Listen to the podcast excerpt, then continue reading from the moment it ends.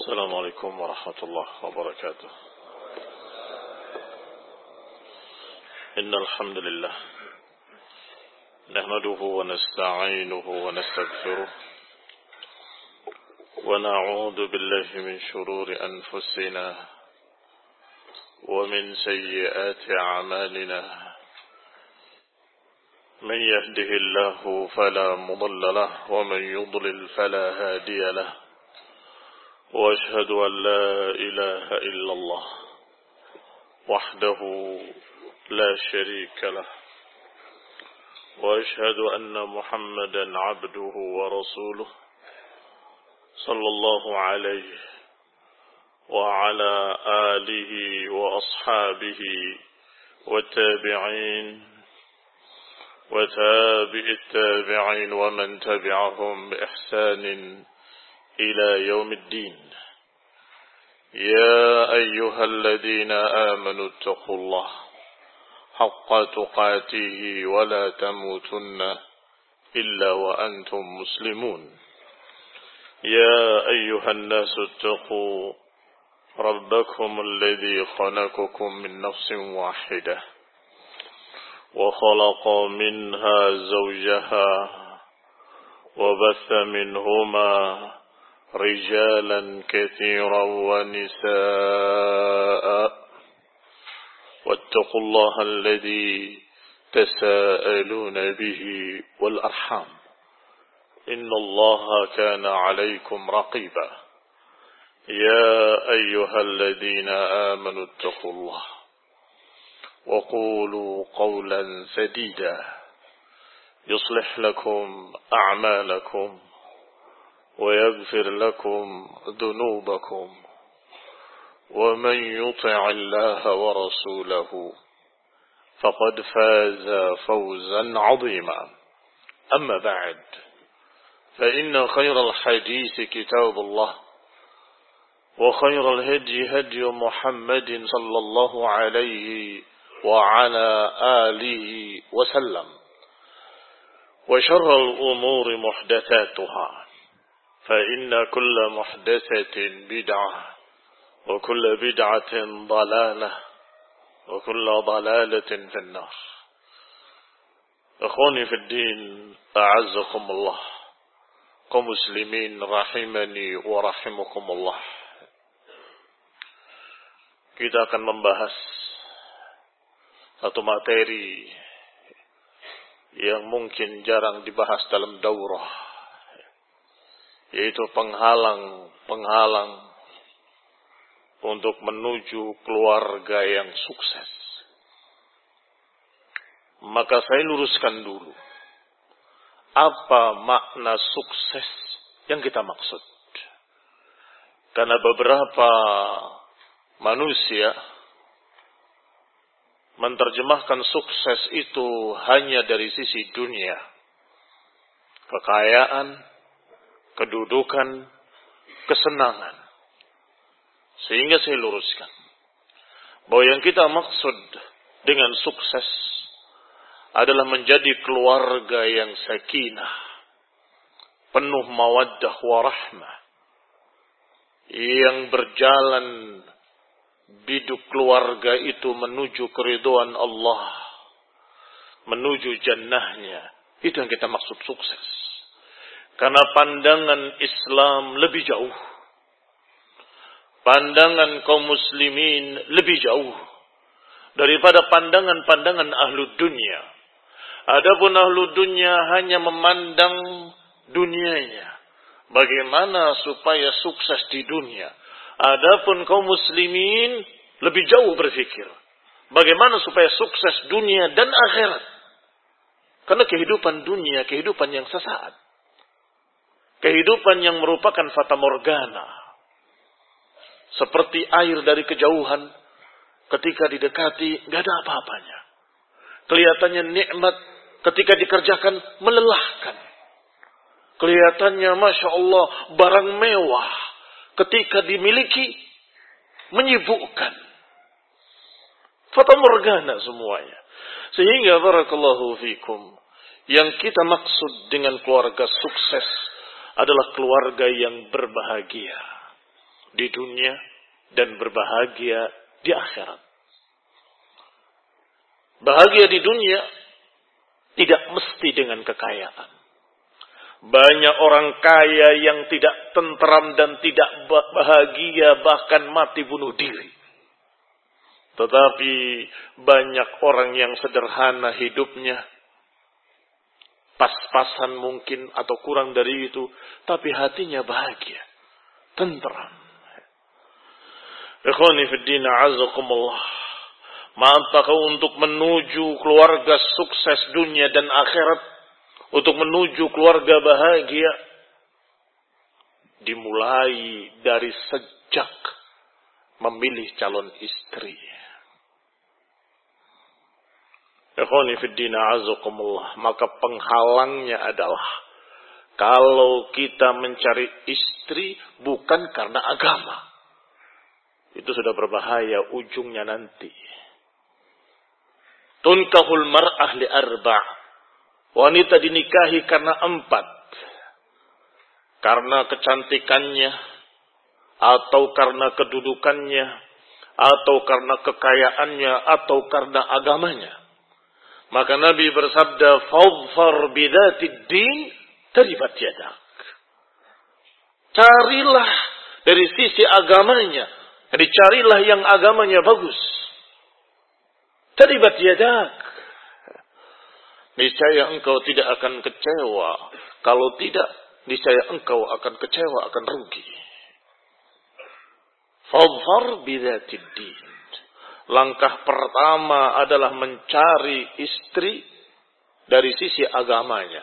Dan yang disebut din dalam istilah-istilah hadis atau dalam ucapan-ucapan para ulama tidak hanya teori, bahkan lebih sering bermakna pengamalan atau praktek dari tingkah lakunya.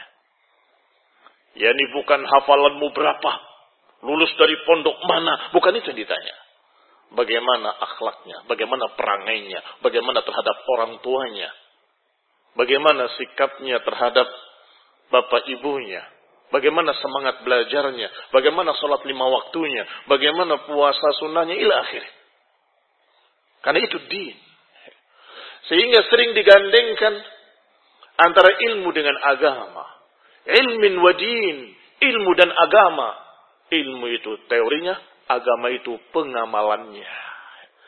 Kadang ada yang hafid Al-Quran, Masya Allah. Tetapi pada perangainya tidak mencerminkan seorang yang berakhlak Al-Quran. Sehingga makna fadfar bidatid din taribat yadak. Itu pun tentunya sebelum itu ada penghalang yang lain harus dilewati. Jangan sampai kita terperosok di dalamnya. Yaitu kesalahan niat. Mau apa kamu nikah? Untuk apa engkau menikah?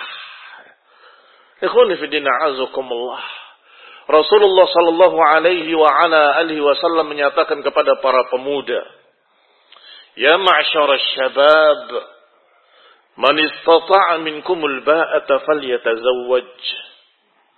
Wahai para pemuda, siapa di antara kalian yang sudah mampu hendaklah menikah. Fa innahu aghaddu lil basar wa ahsanu lil faraj. Karena nikah itu akan bisa menundukkan pandangan mata dan akan bisa menjaga kehormatan.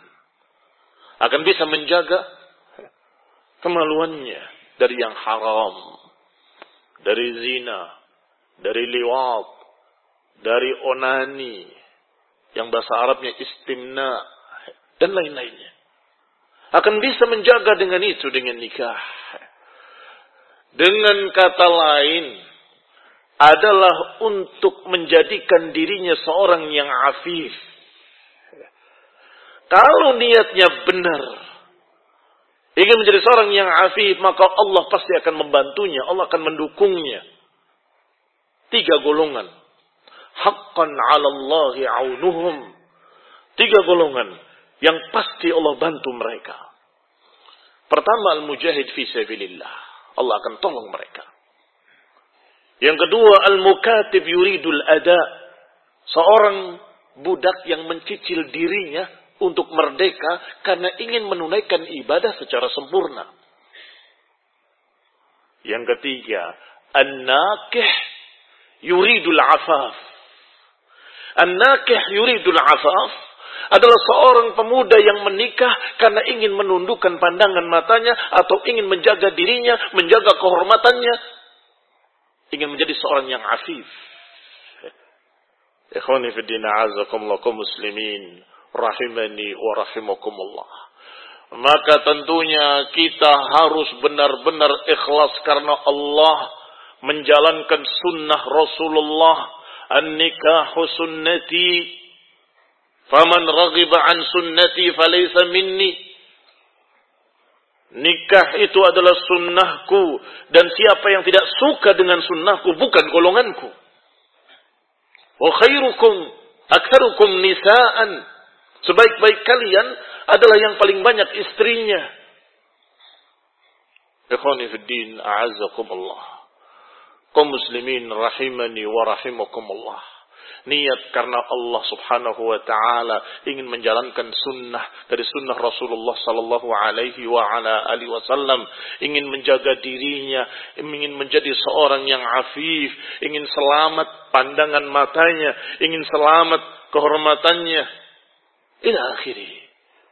Niat yang lurus. Kalau dari awal sudah salah, dikhawatirkan ke sananya akan terus melenceng. Tujuannya sudah salah dari awal. Maka ke sananya nanti na'udzubillah akan semakin jauh, semakin jauh, semakin jauh. Maka luruskan niat. Yang kedua, hendaklah memilih karena agamanya. Adapun kecantikan bisa berubah semakin tahun, semakin umur, semakin berubah. Istrimu tidak akan muda terus. Suatu saat akan menjadi tua Demikian pula kekayaan. Nudawiluha bainan nas. Kami pergilirkan di antara manusia. Kadang naik, kadang turun. Kadang di bawah, kadang di atas. Demikian pula kedudukan bisa hilang. Karena Allah subhanahu wa ta'ala yang menentukan yu'til mulka man tasha wa tanzi'ul mulka mimman tasha wa tu'izzu man tasha wa tudillu man tasha biyadikal khair. Kita katakan setiap pagi dan sore kulillahumma malikal mulk tu'til mulka man tasha' wa tanzi'ul mulka mimman tasha katakanlah Ya Allah, engkaulah raja di raja. Engkaulah penguasa seluruh penguasa. Engkau berikan kekuasaan kerajaan pada siapa yang kau kehendaki. Dan engkau cabut kekuasaan dari siapa yang kau kehendaki. Engkau berikan pada siapa yang kau kehendaki. Allah ambil dari siapa yang kau kehendaki. Engkau muliakan siapa yang kau kehendaki. Dan engkau rendahkan siapa yang kau kehendaki sehingga barakallahu fikum jangan jadi ukuran tetapi yang jadi ukuran adalah kesalihan Ikhwani fi din, a'azakumullah kaum muslimin rahimani wa rahimakumullah.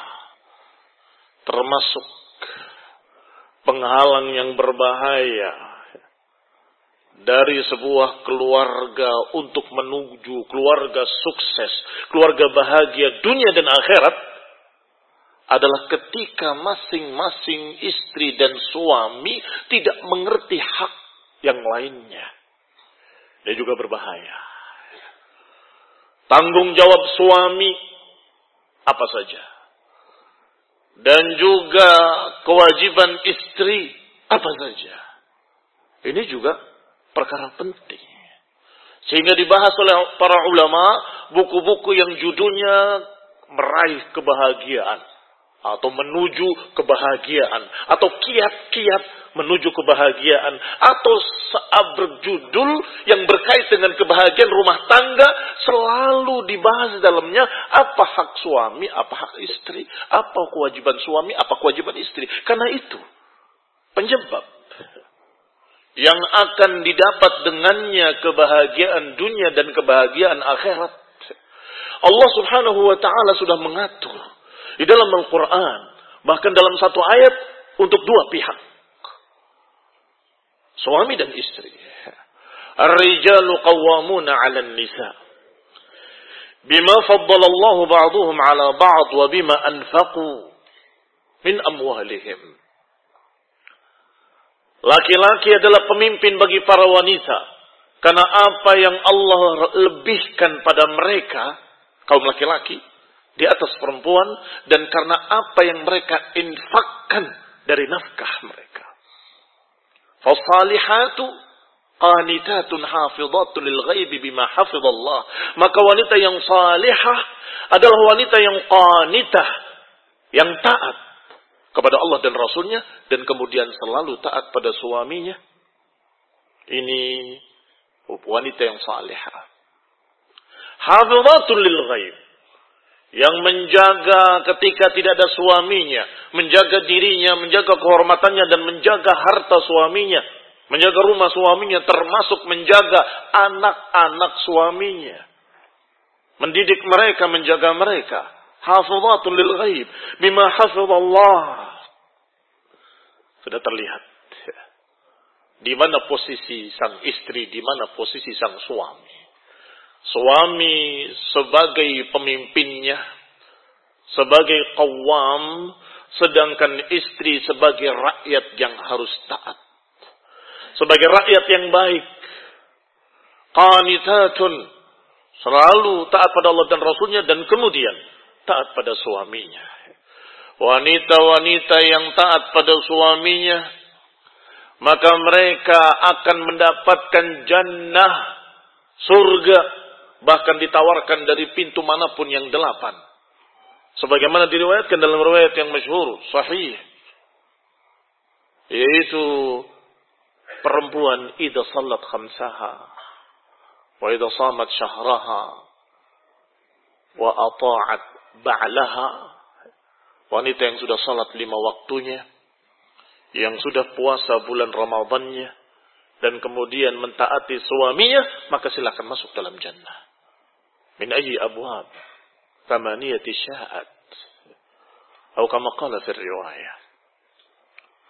Demikian pula Rasulullah sallallahu alaihi wa ala alihi wasallam mensifati wanita yang saleh adalah wanita yang aud.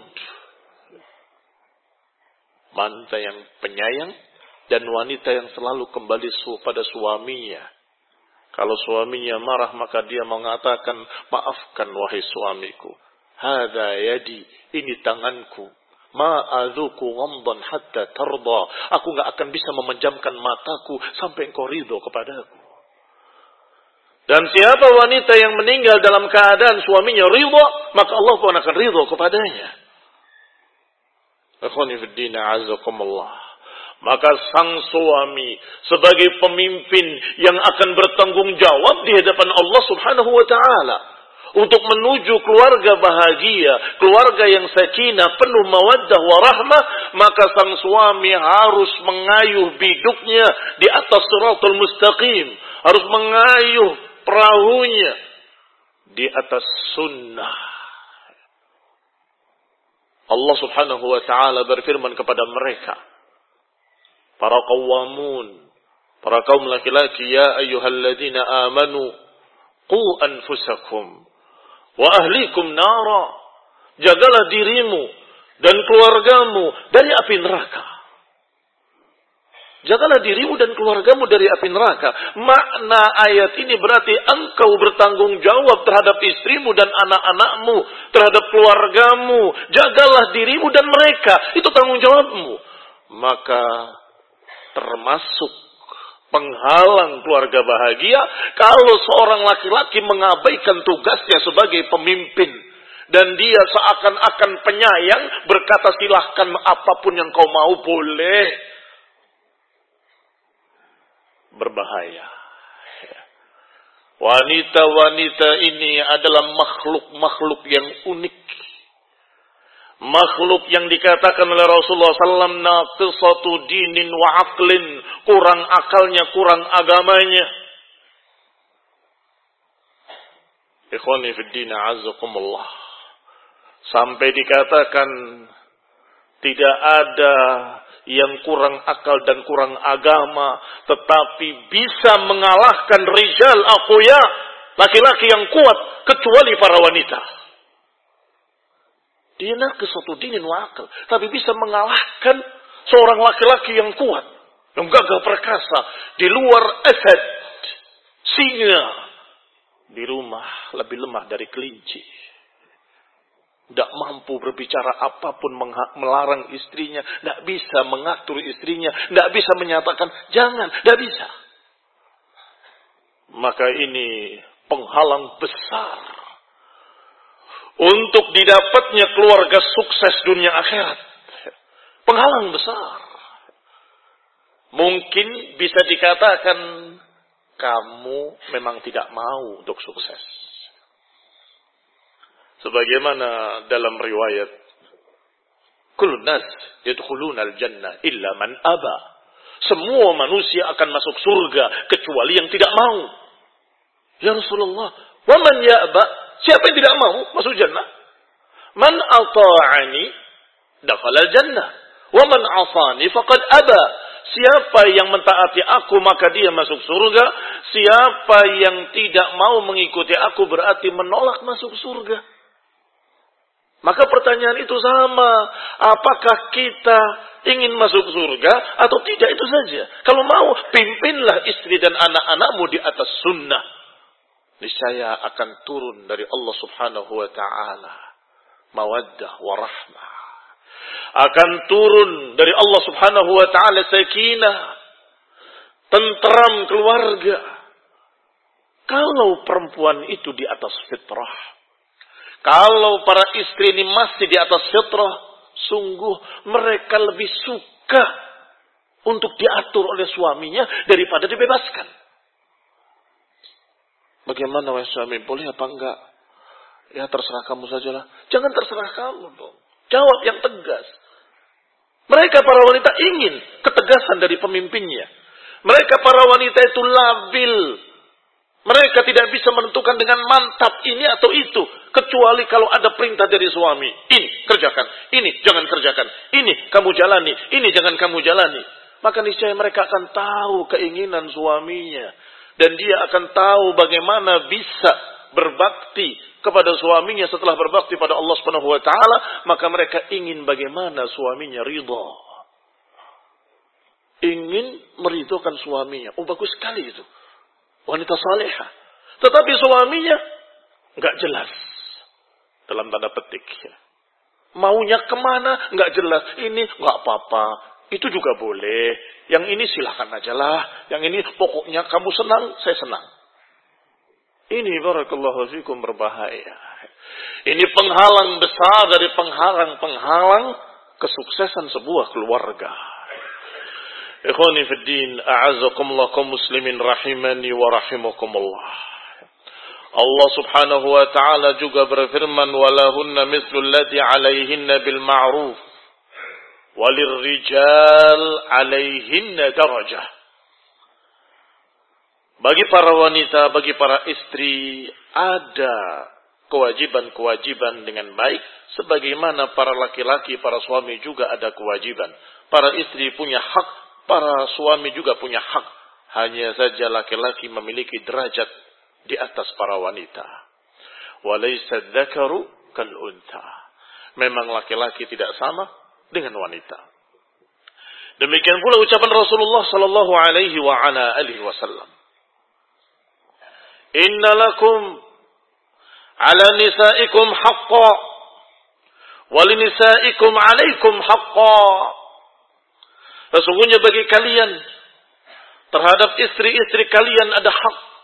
Demikian pula bagi istri-istri kalian atas kalian ada hak. Artinya kalian punya kewajiban yang harus ditunaikan pada istri-istri kalian.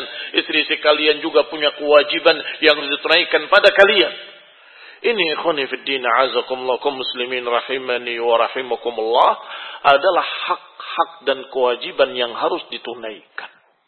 Sering terjadi keretakan rumah tangga. Sering terjadi prahara yang mengerikan panas bagaikan bara api. Ternyata sebabnya hanya apa yang sudah disampaikan tadi diselisih. Yaitu yang ini menuntut haknya, yang ini menuntut haknya. Lupa tentang kewajibannya. Tidak berpikir tentang kewajibannya. Harusnya sang istri itu harusnya begini, begini, begini, begini, kata suaminya. Sang istri juga membalas. Suami itu harusnya begini, begini, begini, begini. Saya tidak diberi ini, saya. Apa maknanya ini? Maknanya saling menuntut haknya tetapi melupakan kewajibannya. Padahal seharusnya tunaikan kewajibannya agar engkau tidak dosa. Mudah-mudahan Allah berikan pada suamimu hidayah sehingga bisa memberikan pada kamu hak-hakmu. Demikian pula suami memberikan hak-hak pada mereka, niscaya mereka juga akan memberikan haknya kepadamu. Artinya memulai dari dirinya masing-masing. Suami memulai dari dirinya, sang istri memulai dari dirinya. Mudah-mudahan. Niscaya mereka berarti berlomba-lomba dengan kebaikan. Ikhwani fi din azakumullah muslimin rahimani wa rahimakumullah. Rasulullah sallallahu alaihi wa ala alihi wasallam di dalam haji wada, haji terakhir, haji perpisahan. Berkhutbah dengan perkara-perkara penting karena ini khutbah terakhir. Maka pasti yang disampaikan perkara penting. La'alli la'alqakum ba'da amikum hadha. Kata Nabi, bisa jadi aku tidak bertemu kalian lagi setelah ini. Ternyata di antara nasihat-nasihat penting tadi adalah ala istausu bin nisa'i khaira fa innahunna awanun ay asirat indakum. Muttafaqun alaih Bukhari dan Muslim Kata Nabi Istausu bin nisa'i khaira.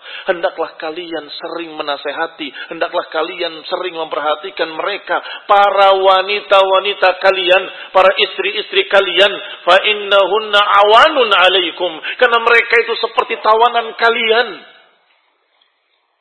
Dia di rumah kalian. Dia di bawah kekuasaan kalian.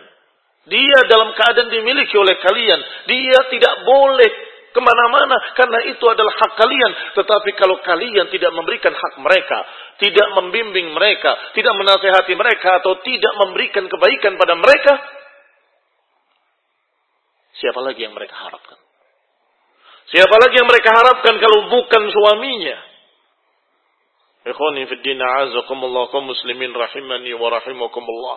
Maka yastausu bin nisa'i khaira juga bermakna aku wasiatkan pada kalian untuk memperhatikan para istri-istri kalian. Jangan diabaikan.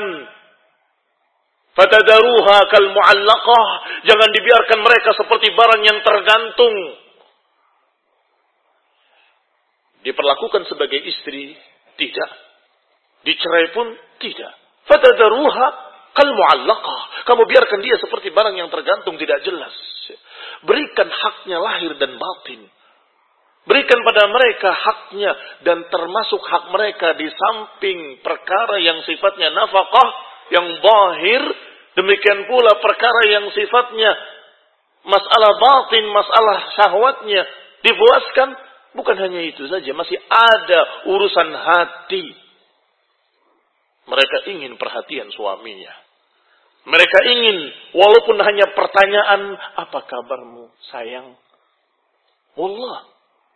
Jangan anggap remeh masalah itu. Masalah kalimat yang ringan diucapkan. Rasulullah SAW memanggil istrinya Humairah. Wahai yang berpipi merah. Pada Aisyah. Dipanggil dengan kalimat-kalimat yang bagus. Dan itu bukan gombal. Wah itu rayuan gombal. Bukan sunnah. Naam. Itu pun barakallahu fikum menunjukkan rahmat dan kasih sayang. Kalau engkau wahai para suami tidak muji mereka, siapa yang akan muji? Siapa yang memandang mereka selain kalian? Maka kita Para suami-suaminya yang memuji istri-istri. Betapa cantiknya engkau. Ila akhirnya. Dan juga termasuk penghalang kesuksesan rumah tangga adalah acuh tak acuhnya suami terhadap istrinya atau sebaliknya istri yang acuh pada suaminya suaminya datang assalamualaikum jawab pun nggak kedengeran bangkit dari duduknya pun tidak dibiarkan suaminya masuk sendiri nggak ada sambutan nggak ada waalaikumsalam nggak ada membukakan pintu walaupun tidak dikunci bukakan pintunya berikan senyuman pada suaminya Katakan bagaimana kabarnya. Bagaimana di jalan. Ila akhir. Ini duduk di tempatnya. Pegang HP-nya. Nggak beranjak sama sekali dari tempat duduknya. Itu pun jangan salahkan kalau kemudian suami berpikir untuk menikah lagi. Ini serius. Bukan guyon. Mengapa? Karena yang diperlukan juga tidak kalah pentingnya perhatian seorang istri. Sebagaimana suami pun sama. Sang istri butuh, menginginkan perhatian dari suaminya. Demikian pula kepada anak-anaknya. Anaknya melihat suaminya menyambut istrinya. Terus anaknya dibiarkan begitu? Tidak. Diangkat anaknya. Dicium. Ini pun barakallahu fikum sunnah yang kadang-kadang terlupakan. Ada seorang yang baru masuk Islam, Akra habis atau yang lainnya, melihat Rasulullah SAW mencium Hasan dan Husain terheran-heran. Aku punya sepuluh anak, satu pun nggak akan nggak pernah yang ada yang aku cium. Apa kata Allah Sallam? Mau bagaimana lagi? Kalau rahmat sudah dicabut dari kalian. Innama yarhamullah min ibadihi ruhama. Sesungguhnya Allah akan menyayangi hamba-hambanya yang penyayang. Yarhamullah min ibadihi ruhama. Sesungguhnya Allah akan menyayangi hamba-hambanya yang penyayang. Adalah kita penyayang pada istri kita, pada anak-anak kita.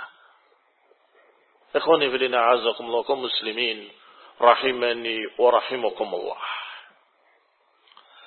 Dan termasuk juga hak dan kewajiban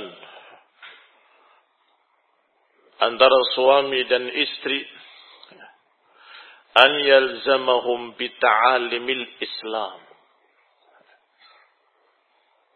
hendaklah sang suami mengajari istrinya dan anak-anaknya agama Islam. Ajarkan sunnah. Kalau engkau tidak mampu, tidak punya ilmu, maka ajaklah untuk ngaji. Ta'lim. Ini pun tanggung jawab sang suami. Dan hak istri untuk mendapatkan ilmu, bukan hanya mendapatkan nafkahnya lahir dan batin, bukan hanya mendapatkan perhatiannya, juga mendapatkan perhatian dari sisi keilmuannya. Apakah engkau belum mengerti masalah ini? Ayo kita belajar. Apakah engkau belum mengerti masalah itu?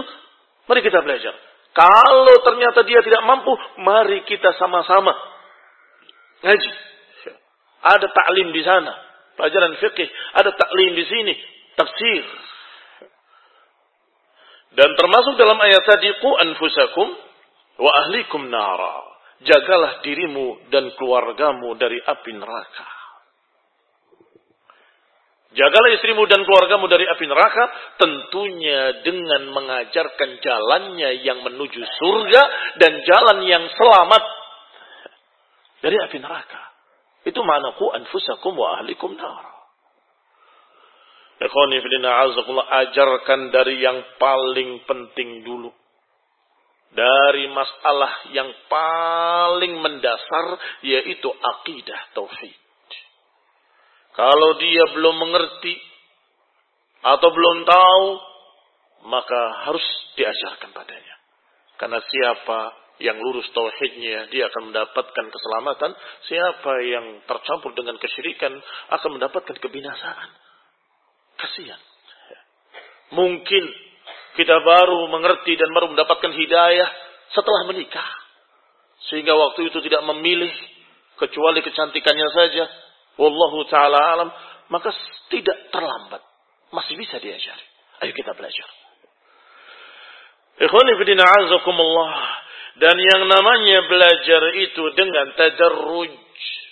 Artinya penghalang kesuksesan kalau engkau lupa dengan yang namanya tadarruj.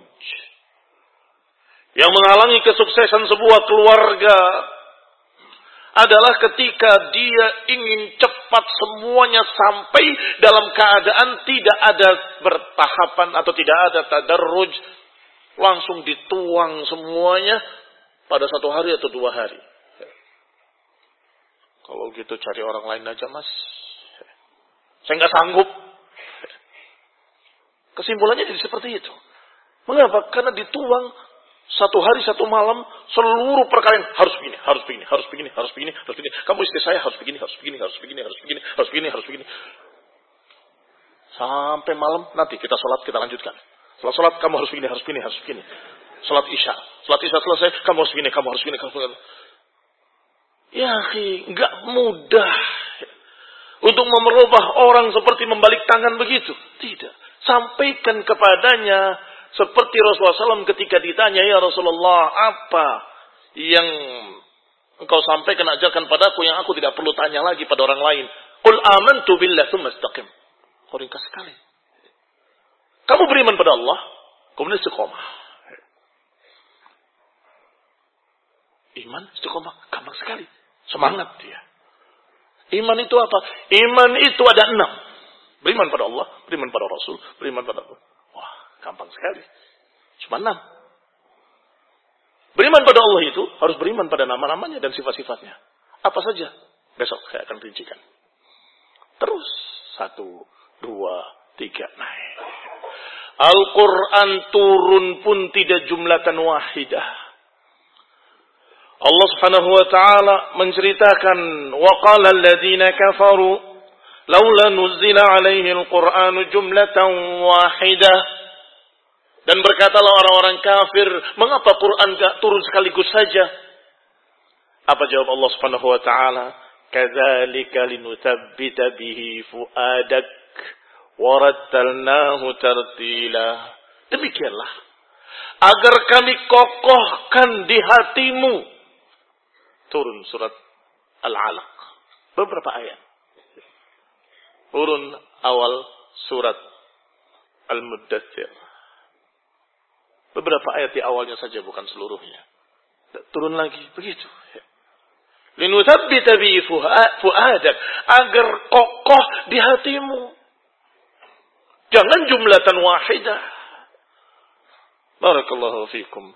Ini sering kali terjadi perkara-perkara karena kesalahpahaman. Yang ini sang suami betul-betul ideal harus hari ini pula 100% berubah. Yang ini merasa apa seperti ini agama. Terjadilah apa yang terjadi. Sehingga sampaikan yang paling penting dulu, baru yang penting, yang penting, yang penting, yang penting terus. Sampai yang sunnah-sunnahnya. Yang sifatnya anjuran. Yang sifatnya sebaiknya. Ila akhirnya. Dan termasuk juga Allah Subhanahu wa taala berfirman wa Qur'anan faraqnahu litaqra'ahu 'ala mukthin. 'Ala nasi 'ala mukthin. Kata Allah Subhanahu wa taala dan Quran sengaja kami pisah-pisahkan. Kami turunkan sebagian-sebagian dengan perlahan-lahan agar engkau bisa membacakannya pada manusia ala mukthin. Agar engkau bisa mengajarkan pada manusia dengan perlahan satu, dua, tiga. Ikhwani fi din, azakumullah. Ini penghalang yang keberapa? Kalian catat apa enggak? Yaitu ada tadarruj. Tidak bertahap dalam mengajari istri dan anak-anaknya. Yang berikutnya, yang menyebabkan sebuah keluarga terhalang untuk mendapatkan ketentraman kebahagiaan adalah tidak adanya saling menjaga kehormatan antara suami dengan istri. Ini juga penghalang kesuksesan sebuah rumah tangga. Padahal Allah Subhanahu wa taala menyatakan hunna libasun lakum wa antum libasun lahun. Mereka itu pakaian buat kalian dan kalian pakaian buat mereka. Apa makna pakaian? Menutup aurat. Apa makna pakaian? Melindungi dari panas, dari dingin, dan dari gangguan lainnya. Mereka para istri adalah pakaian kalian. Sedangkan kalian juga pakaian buat mereka. Saling menutup auratnya masing-masing. Jangan ngerumpi di luar menceritakan suaminya. Kejelekan-kejelekan suaminya. Suami saya itu begini, suami saya itu begitu, suami saya begini. Ila akhirnya. Aib-aibnya diceritakan. Demikian pula suaminya menceritakan istri saya begini, istri saya begitu. Menceritakan aibnya. Berarti libasnya sudah koyak. Pakaiannya sudah robek. Harusnya pakaian itu menutup aurat. Ini pakaiannya membuka aurat. Astagfirullahaladzim. Ikhwani fi din a'azzakumullah kaum muslimin rahimani wa rahimakumullah. Allah Subhanahu wa taala sudah mengajarkan agar kita menjadi pakaian mereka dan mereka menjadi pakaian bagi kita. Yani kita menjaga mereka, menutupi aib mereka, melindungi mereka. Para wanita juga demikian menjaga suaminya, menghormati suaminya, memuliakan suaminya menjaga aib suaminya. Karena memang barakallahu fikum yang namanya manusia tidak ada yang sempurna. Ada saja kekurangan-kekurangannya. Siapa yang paling tahu? Pasangannya. Istri tahu betul tentang suaminya, suami tahu betul tentang istrinya. Hampir 24 jam bersamanya. Maka tahu sifatnya dari A sampai Z. Maka kalau mereka saling menjaga dan saling menghormati, saling memuliakan, menutup aibnya masing-masing, maka itulah yang akan menjaga kerukunan rumah tangga. Dan saya katakan, walaupun kepada keluargamu sendiri atau orang tuamu sendiri, jangan, wahai para wanita khususnya, yang ketika mendapatkan sesuatu yang dia tidak suka, menangis, lapor pada ibunya, pada bapaknya, suami saya begini, suami saya begitu. Ketika mereka sudah marah besar, dia berkata, tapi suami saya baik. Pok dari awal jangan diceritakan. Udah cerai saja, kata ibunya. Kata bapaknya, sudah tinggalkan dia. Tapi dia banyak kebaikannya juga loh. Yuk, dari awal jangan cerita. Itu saya katakan khususnya perempuan. Karena yang sering kali terjadi perempuan. Kalau ada laki-laki lapor sama bapak ibunya, banci berarti. Karena biasanya perempuan. Lapor, istri saya begini. Lu kamu suaminya, kamu pimpinannya, kamu kawamun. Didik mereka, hukum mereka. Allah mengajarkan bagaimana menghukum mereka. Kenapa harus diceritakan ke sana kemari? Sebagaimana diriwayatkan ada yang menyatakan, oh istri saya begini ya Rasulullah, istri saya begini ya Rasulullah. Kata Nabi ceraikan. Terdiam dia. Ya Rasulullah, aku masih cinta. Kalau masih cinta, kenapa kau ceritakan kejelekannya? Ya ikhwan fillah a'azakumullah kaum muslimin rahimani wa rahimakumullah. Jangan sampai aibnya keluar ke mana-mana dalam keadaan sesungguhnya kamu masih cinta. Sampai akhirnya benar-benar retak, pecah, cerai. Rumah tangga menjadi broken home, hancur. Dalam keadaan hatinya masih pingin kembali. Yang sana juga masih pingin kembali. Apa yang menghalangi? Rasa malu dan gengsi. Sudah menyebar ke mana-mana beritanya bahwa istri saya begini, begini, begini. Istri juga sudah menyebarkan ke mana-mana kejelekan suaminya begini, begini, begini. Mau balik Malu, gengsi. Kasihan sekali. Karena sudah masuk kepada pihak ketiga. Atau keempat, kelima. Atau pada sekian banyak pihak. Tapi kalau masih ada di ranah keluarga. Ribut, berantem, wajar. Itu bumbunya rumah tangga. Kenapa kok bumbunya rumah tangga? Karena kalau tidak keluar ke mana-mana, sebentar kemudian rujuk, rujuknya indah.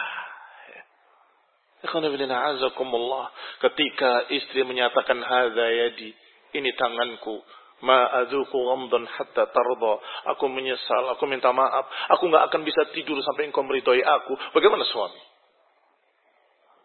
Bahagia berbunga-bunga. Demikian pula ketika suaminya membelainya menyatakan maafkan aku. Aku khilaf tadi. Indah barakallahu fikum. Kalau belum keluar dari ranah suami istri, dari lingkup dia berdua. Kalau sudah keluar ke sana kemari ke pihak ketiga, lebih susah untuk merujuk kembali, lebih susah untuk damai kembali. Ikhwani fi din, muslimin rahimani wa rahimakumullah. Termasuk penghalang dari kebahagiaan rumah tangga atau kesuksesan rumah tangga adalah ketika suami melalaikan nafkahnya kepada istri dan anak-anaknya atau mengambilnya dari yang haram. Ini penghalang. Karena mau tidak mau yang namanya perkara haram akan merusak Dia tidak berhasil dengan yang halal, dia cari yang haram. Kasihkan pada keluarganya. Istrinya memakan makanan haram, anak-anaknya memakan makanan haram. Apa yang terjadi? Wallah, pernah ada yang cerita kepada saya setelah dia taubat. Dulu saya itu bekerja dalam urusan riba dan saya memakan atau memberi makan anak-anak saya dengan harta riba. Lihat apa yang terjadi, kata dia. Anak saya yang satu begini, yang kedua begini, yang ketiga, semuanya hancur. Bejat akhlaknya rusak. Pengaruh makanan yang haram. Sebagaimana diriwayatkan seorang musafir asy'atha aghdara يمد يديه إلى السماء يقول يا ربي يا ربي ومطعمه حرام ومشربه حرام وغذي وملبسه حرام وغذي بالحرام أن يستجاب له seorang musafir padahal musafir itu dikabulkan doanya asy'atha azbara kusut rambutnya dan berdebu kemudian mengangkat tangannya juga penyebab terkabulnya doa mengangkat tangan.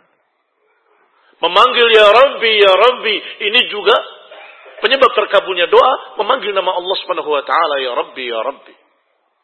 Tetapi makanannya haram, minumannya haram, dibesarkan dari yang haram. Kata Nabi, "Anna yustajabu lahu?" Bagaimana mungkin akan dikabulkan doanya? Kasihan. Kalau engkau beri makan istrimu dan anak-anakmu dengan barang yang haram, Bagaimana akan dikabulkan doa mereka? Bagaimana akan dikabulkan doamu sendiri? Bagaimana mungkin akan mengharapkan keluarga sakinah, mawaddah warahmah, anakmu akan durhaka kepadamu, akan menjadi anak yang kurang ajar, akan menjadi anak yang begini dan begitu, kamu akan sakit hatinya dengan anakmu sendiri. Ternyata yang merusak dirimu sendiri. Memakannya dengan makanan yang haram. Atau memberi makan dengan makanan yang haram. Ikhwani fidina azakumullah. Rasulullah sallallahu alaihi wa ala alihi wasallam menyatakan kewajiban suami an tut'imaha idza ta'imta wa taksuwaha idza iktasaita wa la tadribul wajh wa la tuqabbih la tahjur illa fil bait hendaklah engkau beri makan istrimu seperti yang kau makan. Engkau beri pakaian istrimu seperti yang kau pakai, seperti dalam artian senilai, bukan sama bentuknya. Senilai. dengan apa yang kau pakai. Wala tadribul wajh dan jangan pukul wajah. Dan jangan pula kau jelekkan dia. Wala tahjur illa fil bait dan jangan, jangan kau boykot dia kecuali di rumahnya. Ikhwani fi azakumullah hadisun hasan rawahu Abu Dawud. Dikatakan oleh Rasulullah Sallallahu Alaihi wa ala alihi Wasallam memberi makan seperti apa yang kau makan atau jika engkau makan. Artinya kalau ternyata Allah takdirkan sesuatu kejadian, musibah, sehingga engkau lapar tidak bisa makan, maka istrimu pun tidak bisa makan, kamu tidak salah. Yang salah itu kalau engkau makan dengan nikmat, istrimu kelaparan atau engkau berfoya-foya dengan makanan yang lezat sedangkan istrimu dibiarkan. Peringatan bagi yang memiliki istri dua, tiga atau empat. Kadang-kadang di satu istri dia bisa bermewah-mewah, di istri yang lain dalam keadaan belum mendapatkan apa pun. Anaknya dalam keadaan menangis minta makan, beras belum ada. Ini innalillahi wa inna ilaihi raji'un. Bukan sunnah. Ta'adud itu sunnah Ucapan Allah Subhanahu wa taala fankihu ma taba lakum minan nisa'i masna wa thulatha wa ruba' fa in khiftum alla ta'dilu fawahidah kalau engkau tidak mampu untuk bersikap adil satu sajalah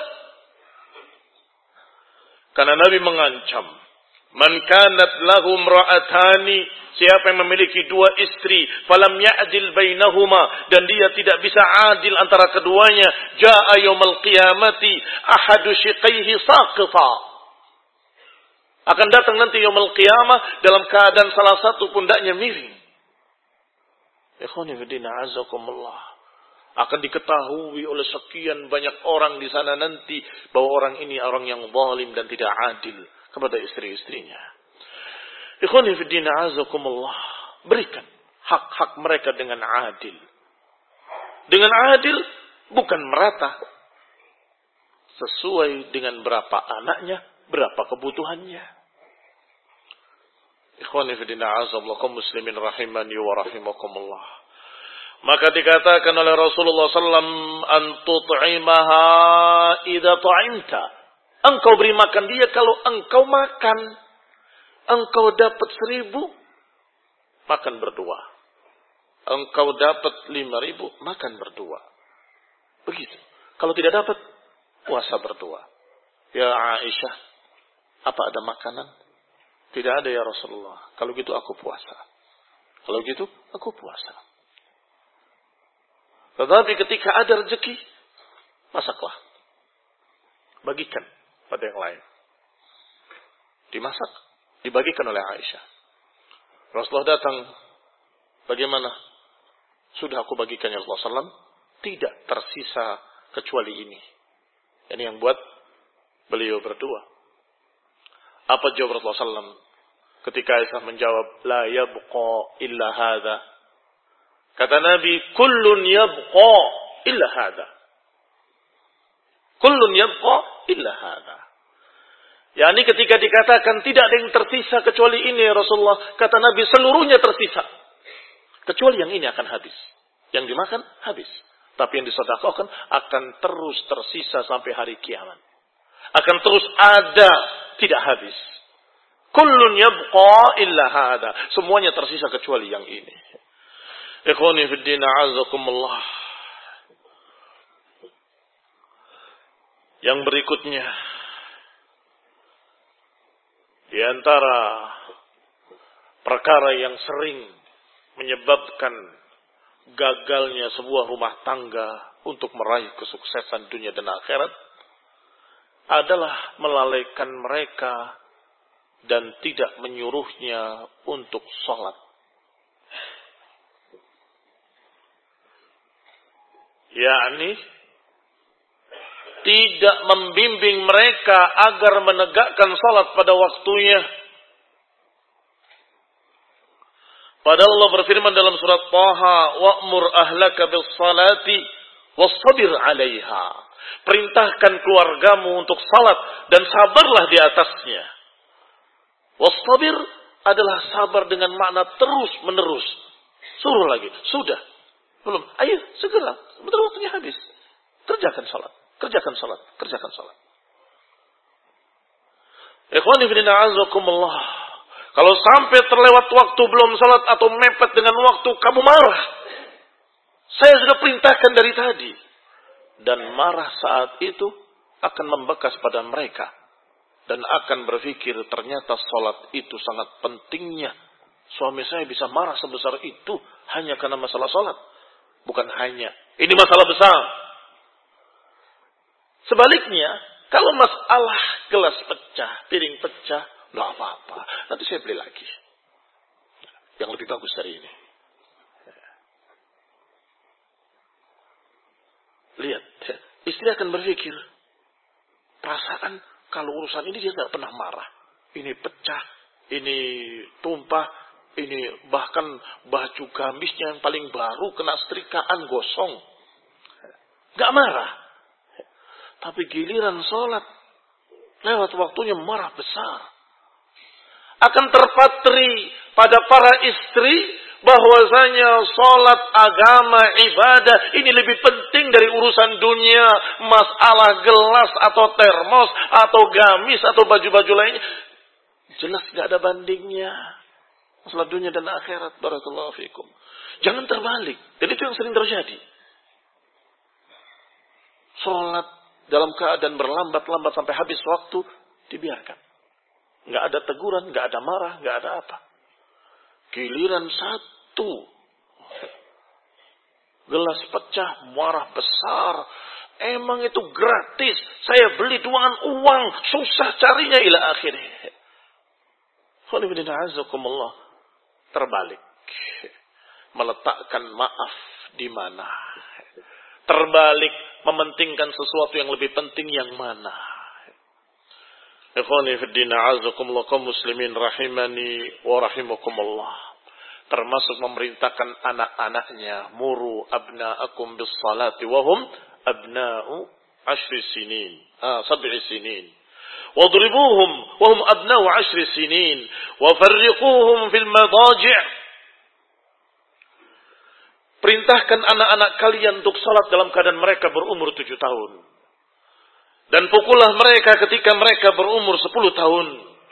Dan pisahkanlah mereka pada tempat tidurnya antara laki dengan perempuan. Anak kakak, adik yang laki dan perempuan harus dipisah umur 10 tahun ke atas. Wafarriquhum fil mawdaji. Hadis hasanun rawahu Abu Dawud bi isnadin hasan. Ikhwani fi din Yang berikutnya dari penghalang-penghalang kesuksesan sebuah rumah tangga adalah ketika seseorang terlalu kaku berlebihan yaitu menjaga istrinya di rumahnya dengan cara menguncinya dari luar dan kemudian tidak boleh dia keluar ke mana pun dengan alasan memakai ayat Allah Ta'ala wa qarna fi buyutikunna wa la tabarrajna tabarrujal jahiliyatil ula. Ikhwan ibn a'azakumullah. Perkara wa qarna fi buyutikunna na'am. Wa bihi wa ni'mah. Itu ayat Allah Subhanahu wa taala. Wahai para wanita tetaplah di rumah-rumah kalian. Jangan keluar, jangan tabarruj seperti tabarrujnya jahiliyah yaitu jalan-jalan mejeng nampang. Maka tidak boleh keluar rumahnya kecuali ada hajat. Ini yang saya maksud. Jangan kebablasan. Sehingga di dalam nasihatnya Syekh Al-Jarullah atau Abdullah Al-Jarullah menyatakan an yasmah laha bil khuruj. Hendaklah mengizinkan para istri untuk keluar keluar rumahnya. Kalau untuk ziarah keluarganya silaturahmi, jangan diputus silaturahminya. Atau kerabatnya. Atau yang lainnya kalau ada hajat. Dengan syarat mereka minta izinmu dan engkau melihat saat itu diizinkan. Ya, ini saat itu dalam keadaan bisa untuk keluar. Kalau ternyata ada sesuatu tidak mengapa dilarang. Tetapi jangan sampai memutuskan silaturahmi. Ikhwani Agar selamat dari ayat tadi. Jangan tabarruj tabarrujal jahiliyatil ula. Maka sang suami harus mengingatkan kalau engkau mau keluar. Hendaklah jangan menyentuh minyak wangi apa pun. Kalau ada harum-haruman, balik kamu. Salib. Pakai pakaian yang belum terkena minyak wangi. Karena larangannya sangat keras.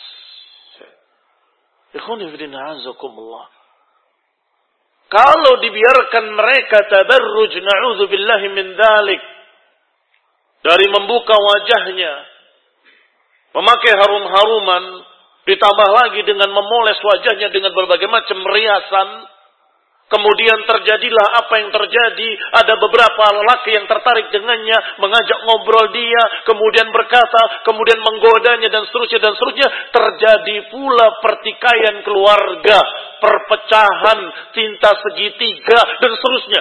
Segi empat, segi lima. Ya karena meje. Tabarruj. Tabarruj al-jahiliyah. Nih, lihat saya, betapa cantiknya saya. Lihat saya, betapa cantiknya saya. Kalau mereka semua suka, kemudian semuanya ingin menjadikannya sebagai istrinya. Apa kamu suka, wahai para suami? Mudah-mudahan tidak ada di kalangan ahlu sunnah. Tapi di kalangan kaum muslimin yang tidak mengerti sunnah, mereka merasa bangga kalau istrinya keluar dengan cantik. Ini perusak rumah tangga. Ini perusak rumah tangga, na'udzubillah. Ikhwani fi din, a'azakumullah kaum muslimin rahimani wa rahimakumullah. Yang berikutnya hendaklah memiliki kesabaran ekstra kalau melihat kekurangan-kekurangan istrinya, khususnya dalam khilqah, bukan dalam khuluqah. Khilqah itu dalam ciptaannya. Agak hitam mungkin. Atau agak begini, agak begitu. Jangan keluar dari mulutmu, engkau jelek, engkau. Nggak boleh. La tuqabbih. Kalau sudah engkau melupakan hal ini, kemudian tidak sabar keluar dari mulutnya, dasar jelek. Sok kamu itu nggak punya ini, nggak punya itu, kamu mukanya begini, mukanya begitu. Lah akhirnya, ini bukan akan memperbaiki istrimu. Tapi justru akan merusak rumah tanggamu sendiri. Bisa dibayangkan, seorang istri kalau merasa suaminya sudah tidak suka sama dia, mau apa dia? Mau menceraikan suaminya, dia tidak punya hak cerai. Menunggu diceraikan oleh suaminya, tidak menceraikan. Disukai pun tidak. Dianggap jelek. Siang dicaci maki, malam dijimai. Nah, Rasulullah SAW menggambarkan seperti itu. Orang yang paling jelek. Yang siang dia mencaci maki istrinya. Malam dia naiki istrinya. Ini barakallahu fikum. Tidak tahu malu namanya. Maka Nabi berpesan. Wala tuqabbih. Wala tadribul wajh. Jangan pukul wajah. Dan jangan jelekkan dia Jelekan dia ini ada dua tafsiran dari para ulama. Ada yang menyatakan jangan berkata Allah wajhak.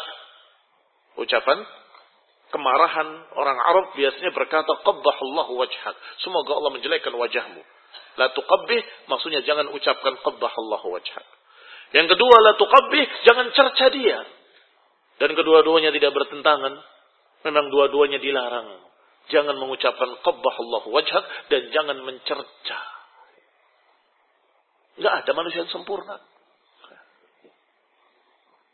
Dari satu sisi bagus, sisi lainnya kurang. Dari sisi ini lebih, dari sisi lainnya kurang. Demikianlah manusia. Maka dari sisi ini hendaklah kita menerimanya dengan sabar. Kalau engkau karihta syai'an, engkau tidak suka dari satu sisi, engkau suka sisi lainnya. Jangan berpikir saya mau ganti sajalah istri baru yang sempurna. Tidak ada. Tidak ada. Kalau engkau ingin punya pasangan yang sempurna, istri yang sempurna bukan satu, tujuh puluh, nanti dalam jannah.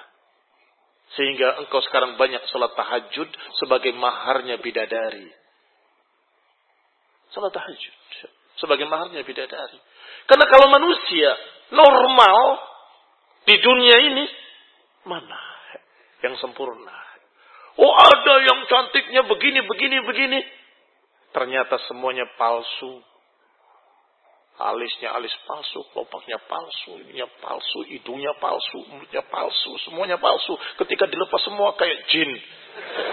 Kayak syaitan. Mengapa kayak jin? Karena semuanya nggak ada.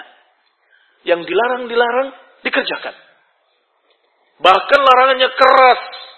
La'anallah al-mutanam nusab an-namisat wal mutanam nusat.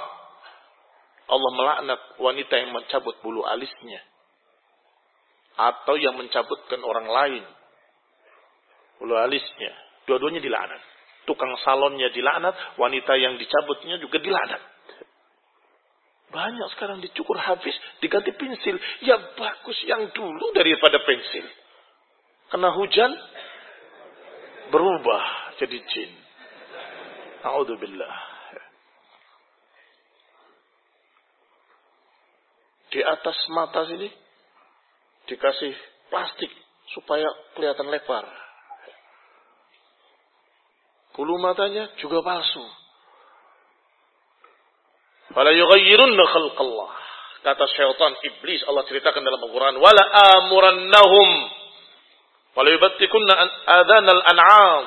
Wala amurannahum Kata syaitan, aku akan perintahkan mereka untuk memotong telinga-telinga unta. Dan aku akan perintahkan mereka. Wala yughayyirunna khalqallah. Niscaya mereka akan merubah ciptaan Allah. Ikhwan ibn termasuk mentato. La'anallah al-washimat wal-mustawshimat wal-namisat wal-mutanamnusat. Celaka laknat Allah Subhanahu wa taala bagi mereka yang mentato atau ditato. Bagi wanita yang mentato atau wanita yang ditato. Dilaknat. Itu bukan cara berhias. Itu merusak tubuhnya. Merubah ciptaan Allah. Ditato. Tangannya, ininya, itunya. Ikhwan ibn a'azakumullah. Dan disebutkan washimat wal mustawshimat wanita yang mentato dan wanita yang ditato. Kalau ada laki-laki yang mentato, maka dia mendapatkan dua dosa.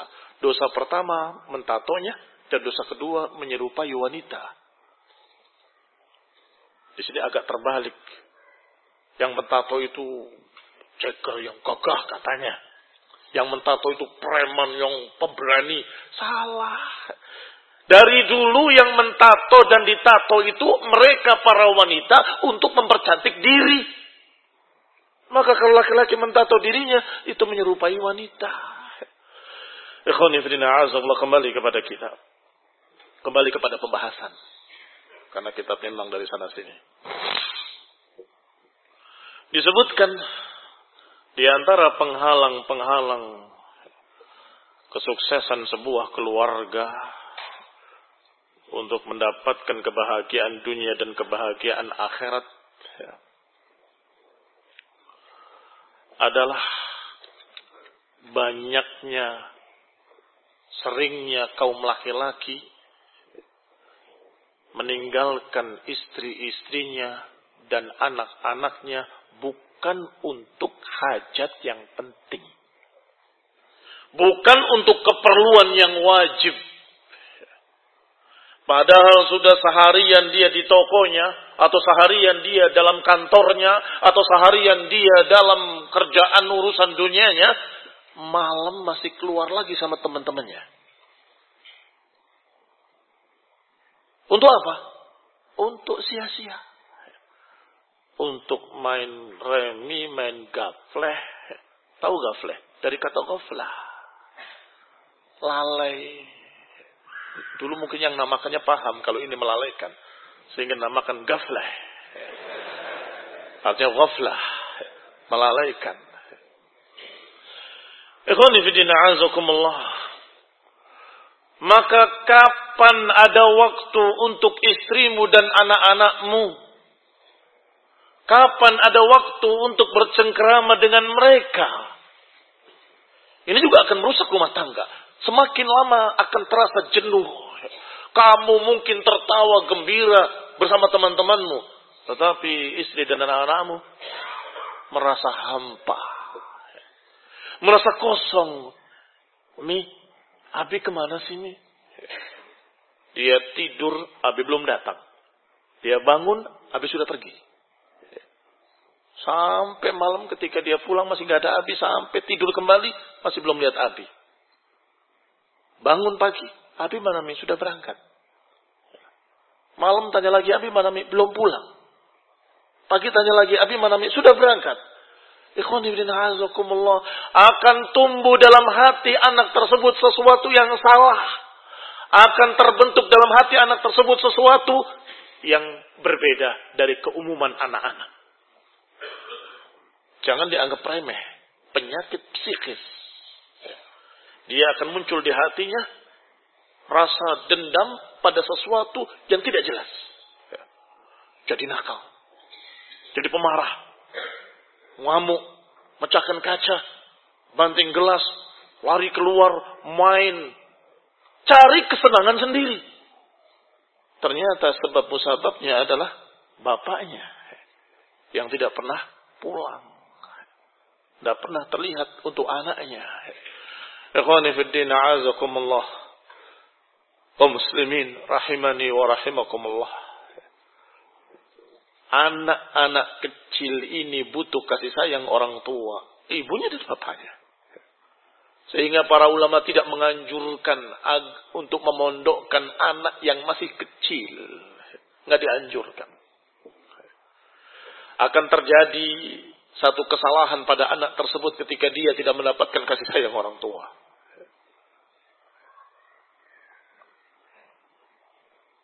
Pikirannya, perasaannya akan berbeda dari anak-anak lainnya. Minder, ngelamun. Dan itu saya alami. Maksudnya saya alami melihat anak yang seperti itu. Ditanya, entah pulang. Nangis dari pagi sampai sore. Malam. Semua tidur dia masih nangis. Sampai ketiduran. Bangun tidur, melamun. Ini nggak benar ini. Pulangkan semua. Pulangkan. Nggak perlu. Orang tuanya suruh mendidik anaknya. Dengan kasih sayang. Dengan perhatian kepadanya dengan cinta karena itu anaknya sendiri. Nanti ketika dia sudah mulai beranjak dewasa atau paling tidak sudah tingkat mutawassitah, ya silahkan. Agar dijadikan sebagai seorang laki-laki yang pemberani. Sudah kan? نكتفي بهذا القدر. بارك الله فيكم. سبحانك اللهم وبحمدك أشهد أن لا إله إلا أنت أستغفرك وأتوب إليك. والسلام عليكم ورحمة الله وبركاته. السلام عليكم ورحمة الله وبركاته. إن الحمد لله نحمده ونستعينه ونستغفره ونعوذ بالله من شرور أنفسنا ومن سيئات أعمالنا. من يهده الله فلا مضل له ومن يضلل فلا هادي له. وأشهد أن لا إله إلا الله وحده لا شريك له.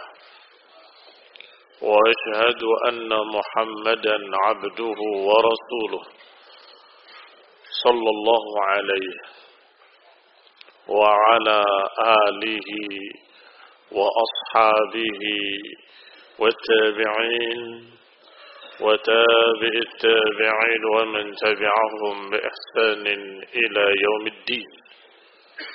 يا أيها الذين آمنوا اتقوا الله حق تقاته ولا تموتن إلا وأنتم مسلمون.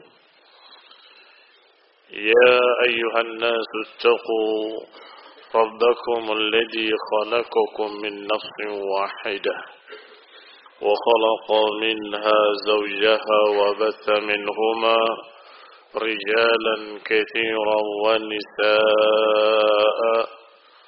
واتقوا الله الذي تساءلون به والأرحام إن الله كان عليكم رقيبا يا أيها الذين آمنوا اتقوا الله وقولوا قولا سديدا يصلح لكم أعمالكم ويغفر لكم ذنوبكم ومن يطع الله ورسوله فقد فاز فوزا عظيما. أما بعد فإن خير الحديث كتاب الله. وخير الهدي هدي محمد صلى الله عليه وعلى آله وسلم. وشر الأمور محدثاتها فإن كل محدثة بدعة وكل بدعة ضلالة وكل ضلالة في النار. إخواني في الدين أعزكم الله. كم مسلمين rahimani wa rahimakumullah termasuk penghalang untuk suksesnya sebuah keluarga mencapai kebahagiaan dunia dan akhirat adalah hilangnya kecemburuan Cemburu itu adalah sifat baik.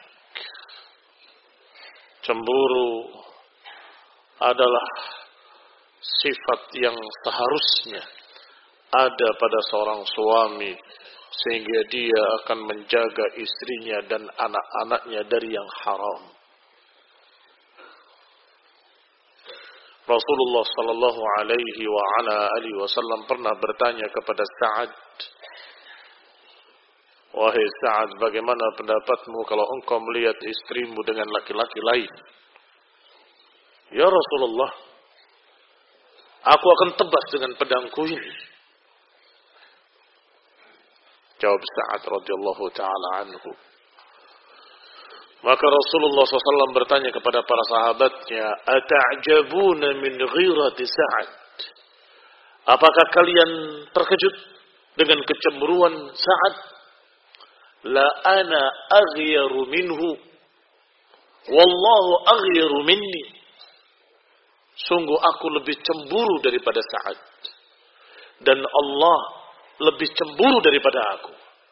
Oleh karena itulah Allah mengharamkan yang haram-haram.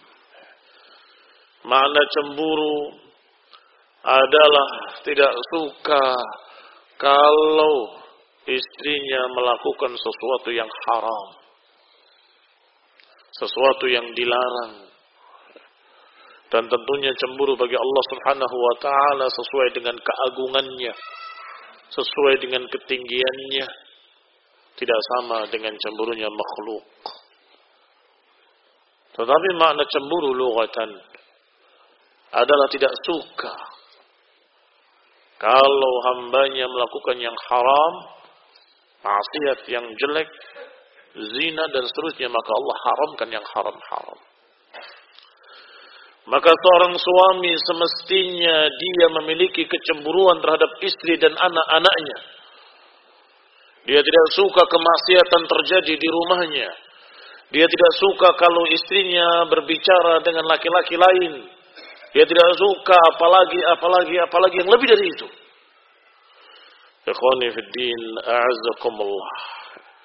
Oleh karena itulah Allah Subhanahu wa taala mengajarkan kepada para wanita.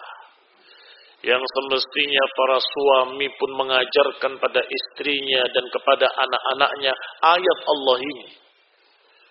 Yaitu kalimat idza sa'altumuhunna mata'an fas'aluhunna min wara'i hijab. Kalau kalian meminta sesuatu keperluan maka memintalah dari balik hijab Dzalikum atharu liqulubikum yang demikian lebih suci bagi kalian. Demikian pula ayat Allah Subhanahu wa taala yang memerintahkan ya ayyuhan nabi qul li azwajika wa banatika wa nisa'il mu'minin yudnina 'alayhinna min jalabibihin wahai nabi perintahkanlah pada istri-istrimu dan anak-anak perempuanmu dan juga wanita-wanita mukminin agar mereka yudnina alaihinna min jalabibihinna agar mereka menurunkan jilbabnya ke seluruh tubuhnya menutupkan jilbabnya ke seluruh tubuhnya kata Ibn Abbas radhiyallahu taala anhu ke seluruh tubuhnya yakni seluruh tubuhnya kecuali mata untuk melihat demikian pula tafsir Ibn Mas'ud radhiyallahu taala anhu yudnina alaihinna min jalabibihinna menutupkan jilbabnya ke seluruh tubuhnya adalah seluruhnya kecuali mata untuk berjalan. Ikhwani fidina azamullakum muslimin rahimani wa rahimakumullah. Itu pun mata yang tidak dihias dengan hiasan-hiasan. Mata yang tidak diberi ini dan itu untuk mempercantik matanya atau bahkan para ulama di Hijaz, di Mekah dan Madinah menyatakan kalau ada tutupan yang bisa menutupi matanya tapi dia bisa melihat keluar maka wabihi wa ni'mah itu lebih bagus lagi. Ikhwani fi. Orang-orang Arab memiliki kecemburuan yang tinggi. Bahkan di Yaman yang kafirnya nggak suka kalau ada orang melihat istrinya. Sehingga dipakai hijab, pakai cadar. Padahal komunis. Kafir. Cemburu. Maka ini barakallahu fikum apalagi seorang mukmin muslim ahlu sunnati wal jamaah yang mengerti ayat-ayat Allah tadi yudnina alaihinna min jalabibihinna Wa idza sa'altumuhunna mata'an fas'aluhunna min wara'i hijab. Ikhwani fid din azakumullah. Jangan sampai menjadi fitnah untuk kaum laki-laki. Niscaya dia akan bertanggung jawab di hadapan Allah dan suaminya sebagai kawamnya juga akan bertanggung jawab di hadapan Allah Subhanahu wa taala. Karena enggak ada fitnah bagi laki-laki yang lebih besar daripada wanita. Rasulullah SAW menyatakan, "Ma taraktu ba'di fitnatan hiya adarru 'ala rijali minal nisa." Aku tidak meninggalkan, maknanya tidak ada sepeninggalku satu fitnah bagi laki-laki yang lebih dahsyat daripada wanita. Artinya fitnah perempuan ini sangat besar. Na'udzubillah min syarril fitnah. Wa na'udzu billah min syarri fitnatin nisa. Kita berlindung pada Allah dari jeleknya fitnah wanita. Maka jangan sampai justru istri kita yang membuat fitnah pada orang lain. Yang tadinya mengerti hijab ditutup dari mulai ujung rambutnya sampai ujung kakinya. Tiba-tiba Masya Allah meningkat Bukan meningkat kebaikannya, meningkat kejelekannya. Jilbabnya pakai yang agak bagus. Pakai hias, hiasan di sana sininya. Matanya juga dihias. Kemudian jilbab yang besar menjadi kecil, kecil, kecil. Sampai akhirnya membentuk tubuhnya. Dan itu sudah dijual. Dan saya berkata, ini bukan jilbab. Ini bukan jilbab membentuk tubuh wanita tersebut dari depan dan dari belakang. Wallahi istasrafaha syaitan. Syaitan akan merasa gembira ketika ada seorang wanita keluar dalam keadaan demikian. Karena akan bisa membuat fitnah kepada sekian laki-laki. Masa kita tidak cemburu? La yadkhulul jannata dayyus. Enggak akan masuk surga dayyus. Dayyus itu adalah seorang laki-laki yang tidak memiliki kecemburuan. Ikhwani fiddin, a'azzakumullah. Termasuk cemburu adalah tidak suka. Marah kalau istrinya berbicara yang tidak perlu dengan laki-laki. Apakah langsung ataupun tidak langsung? Langsung lebih parah lagi. Tetapi yang tidak langsung tidak kalah jeleknya. Dengan Facebook. Dengan medsos. Dengan segala macam medsos-medsos media sosial. Dengan berbagai bentuk yang dijuluki dengan adawat tawasul yang kata si Abdul Rahim, Abdullah bin Abdul Rahim Al-Bukhari bukan tawasul taqatu' alat untuk memecah belah. Tawasul itu untuk menyambung, menghubungkan sekian manusia. Ternyata kejadiannya terbalik. Memecah belah keluarga, memecah belah rumah tangga, menghancurkan sebuah rumah tangga. Mengapa? Istrinya chattingan dengan siapa laki-laki entah. Dari entah berantah. Suaminya juga chattingan dengan seorang wanita entah siapa. Apa jadinya rumah tangga? Akan hancur. Dengan medsos-medsos tadi yang ternyata bukan medsos. Tetapi media takatur, media perpecahan, media fitnah. Apalagi yang menampilkan gambar-gambarnya Kadang-kadang tidak jujur. Dia gambarkan gambar yang paling cantiknya padahal bukan dia. Gambarkan yang paling gantengnya padahal bukan dia. Terfitnah. Mengadakan janjian pertemuan di satu tempat. Ini bukan tidak terjadi, sudah terjadi bukan sekali, bukan dua kali, bukan seratus kali, bukan dua ratus kali. Sekian banyak terjadi. Rumah tangga berantakan, rumah tangga hancur karena medsos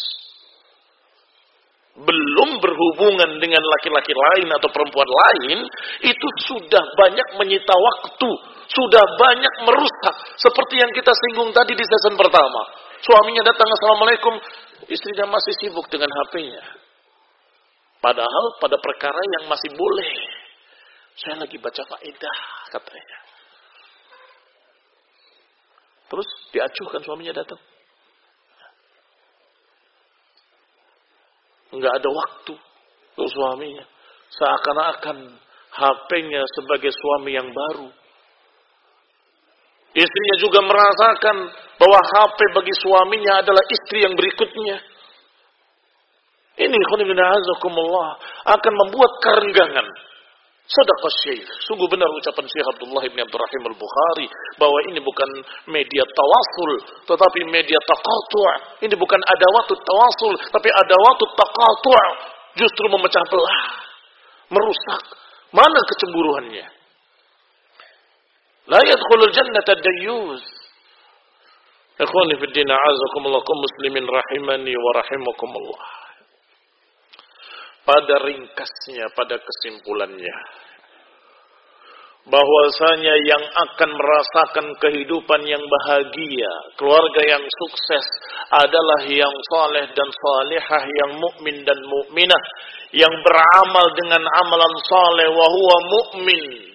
Sebagaimana Allah Subhanahu wa taala berfirman, "Man 'amila salihan min dzakarin aw untha wa huwa mu'min falanuhyiyannahu hayatan thayyibah Siapa yang beramal saleh dalam keadaan dia mukmin, laki-laki maupun perempuan, falanuhyiyannahu hayatan thayyibah niscaya kami akan berikan kehidupan yang thayyib.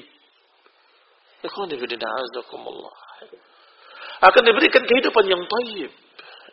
Dan sudah kita katakan tadi, kehidupan yang taib, kehidupan yang tentram, kehidupan yang bahagia, kehidupan dengan hati yang lapang, hati yang tentram, sampai kita mati dipanggil oleh Allah dengan kalimat, Ya ayyatuhan nafsul mutmainnah, irji'i ila rabbiki radiyatan mardiyah.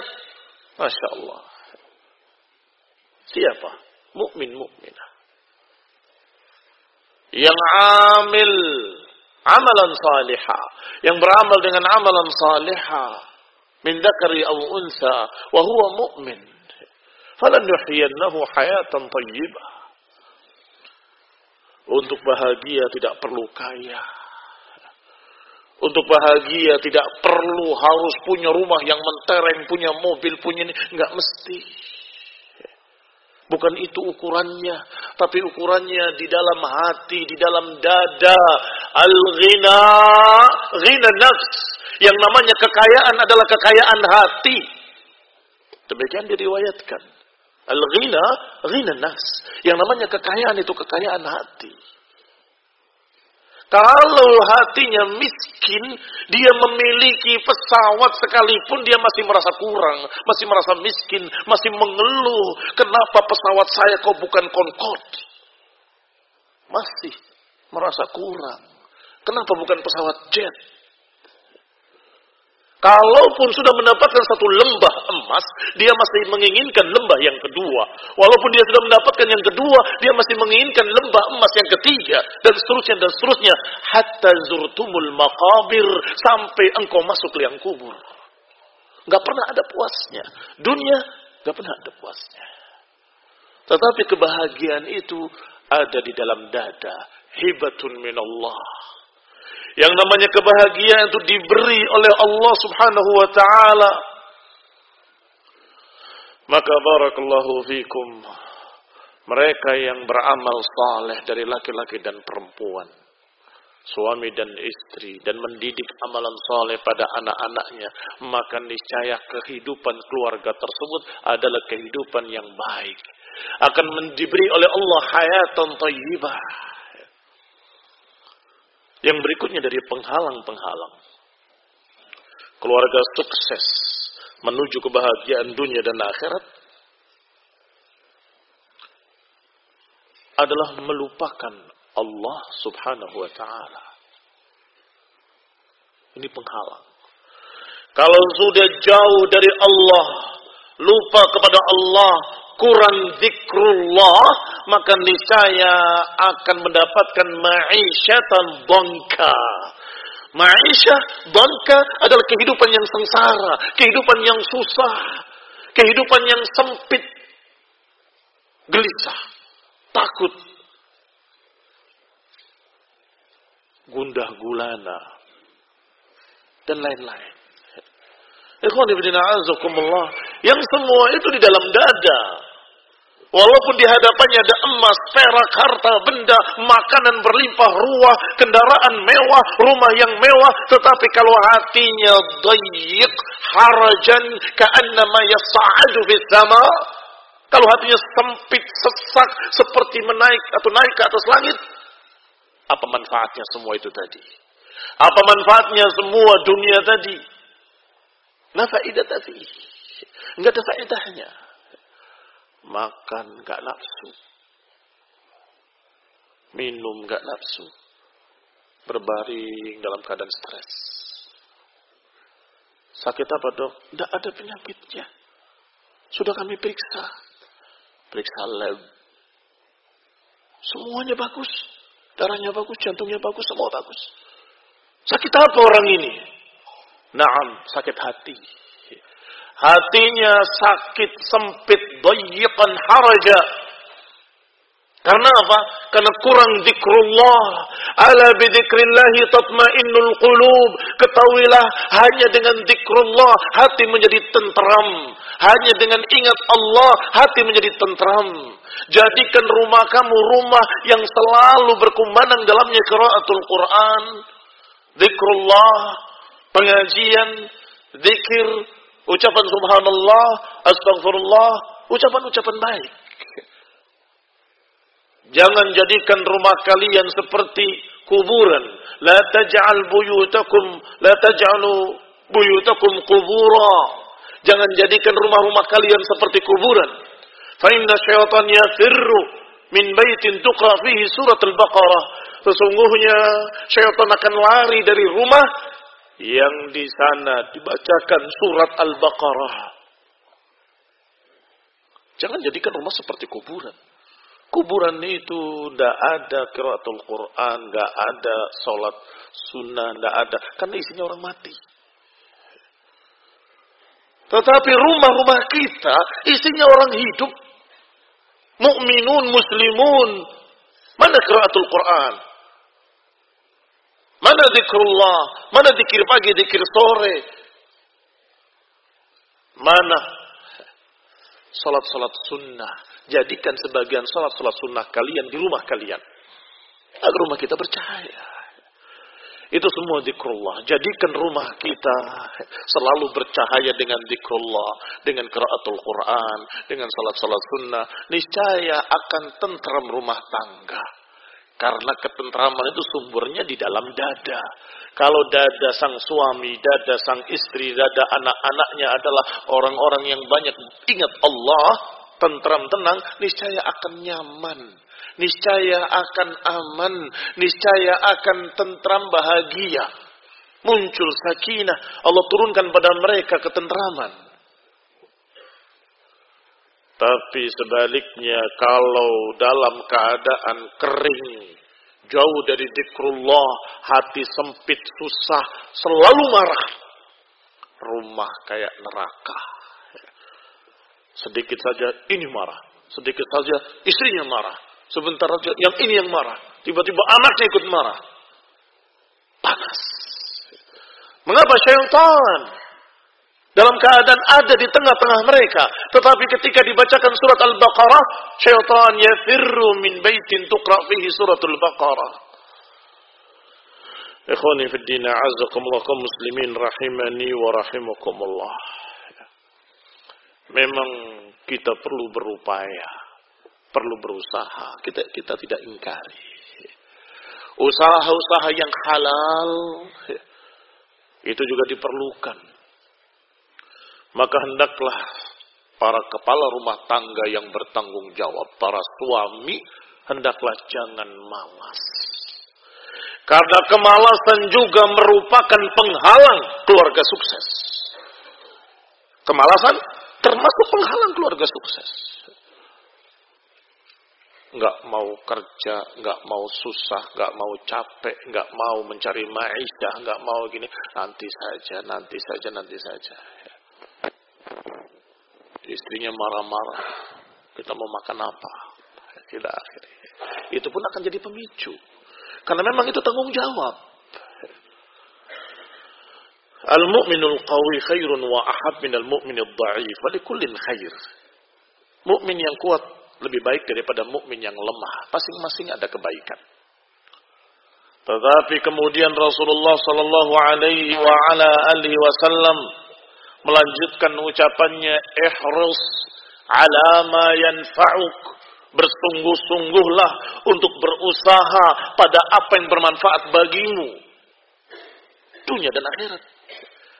Bermanfaat bagimu dari masalah dunia dan bermanfaat bagimu dalam masalah akhirat. Kedua-duanya.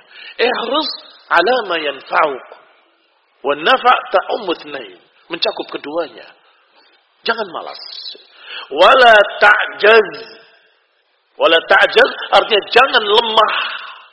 Wahai kaum laki-laki, ihris ala ma kalau engkau bersungguh-sungguh mencari ilmu, bersungguh-sungguh mencari maisha, bersungguh-sungguh untuk beribadah, niscaya istrimu akan semakin cinta kepadamu, melihat betapa lelahnya kamu, betapa capeknya kamu berusaha.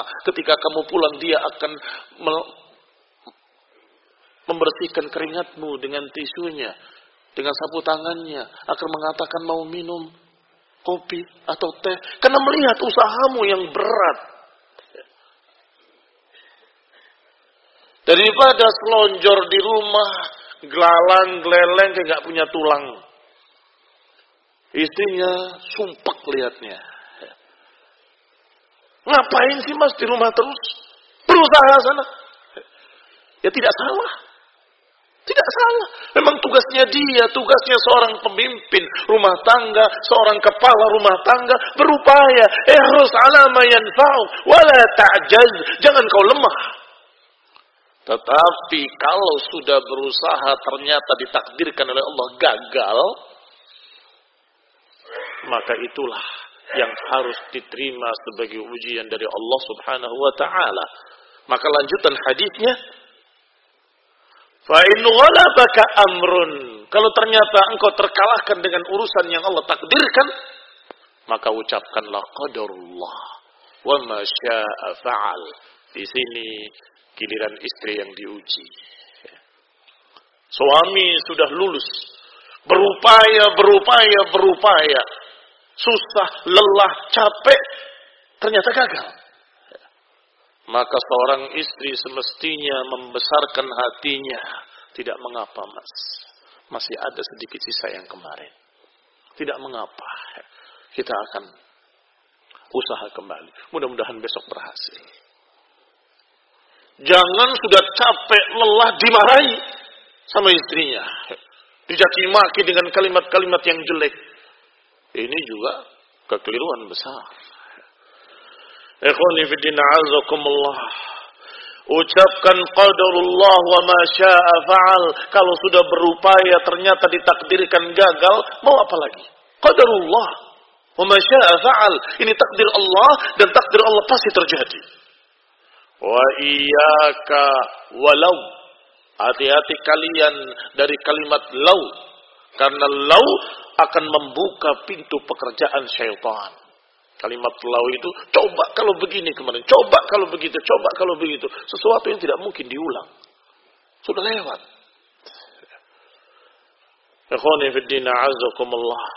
Kalau pakai kalau-kalau seperti itu, maka niscaya syaitan akan punya peluang untuk bekerja menyesatkan, menggoda, mengadu domba, ila akhirnya. Memang itu diperintahkan silahkan kalian berupaya berusaha dengan yang halal dan bersungguh-sungguhlah untuk menghidupi istri dan keluargamu. Karena sungguh sesuap nasi, luqmah taj'al fi fimra'atik. Kata Nabi Rasulullah SAW, hatta luqmah yang engkau letakkan di mulut istrimu dicatat oleh Allah sebagai sedekah. Dinarun fi sabilillah dinar di jalan Allah, dinar untuk fukara, dinar sampai dinar untuk istrimu. Mana yang terbaik? Yang terbaik dinarun li ahlik. Dinar untuk keluargamu. Jangan dikira itu bukan sedekah. Istrimu itu tadinya orang lain, bukan siapa-siapa. Tetapi kamu lamar, kamu nikahi, kamu pelihara, kamu beri makan, kamu beri Aisyah. Apakah itu bukan sodakoh? Memelihara anak orang? Apakah itu bukan sodakoh? Ketika kamu memberikannya makan, memberikannya pakaian, memberikannya tempat, memberikannya kasih sayang ila akhiri. Hatta lukma taj'al fi fimra'atik. Hatta sesuap nasi pun atau sesuap makanan pun yang kau berikan ke mulut istrimu dicatat di sisi Allah sebagai sodakoh. La tabkhal. Jangan bakhil untuk memberikan pada istrimu. Kalau punya rezeki lebih, berikan makanan yang lebih.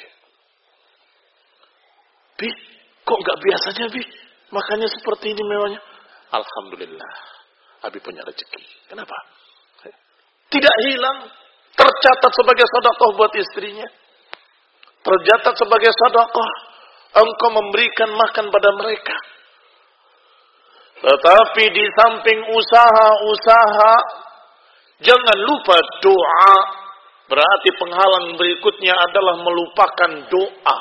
Itu penghalang suksesnya sebuah keluarga sakinah. Penghalang suksesnya keluarga bahagia dunia dan akhirat adalah melupakan doa. Dia berpikir pengen sukses sehingga dia pontang panting kerja ke sana kemari, malam jadi siang, siang jadi malam dia upayakan segala macam.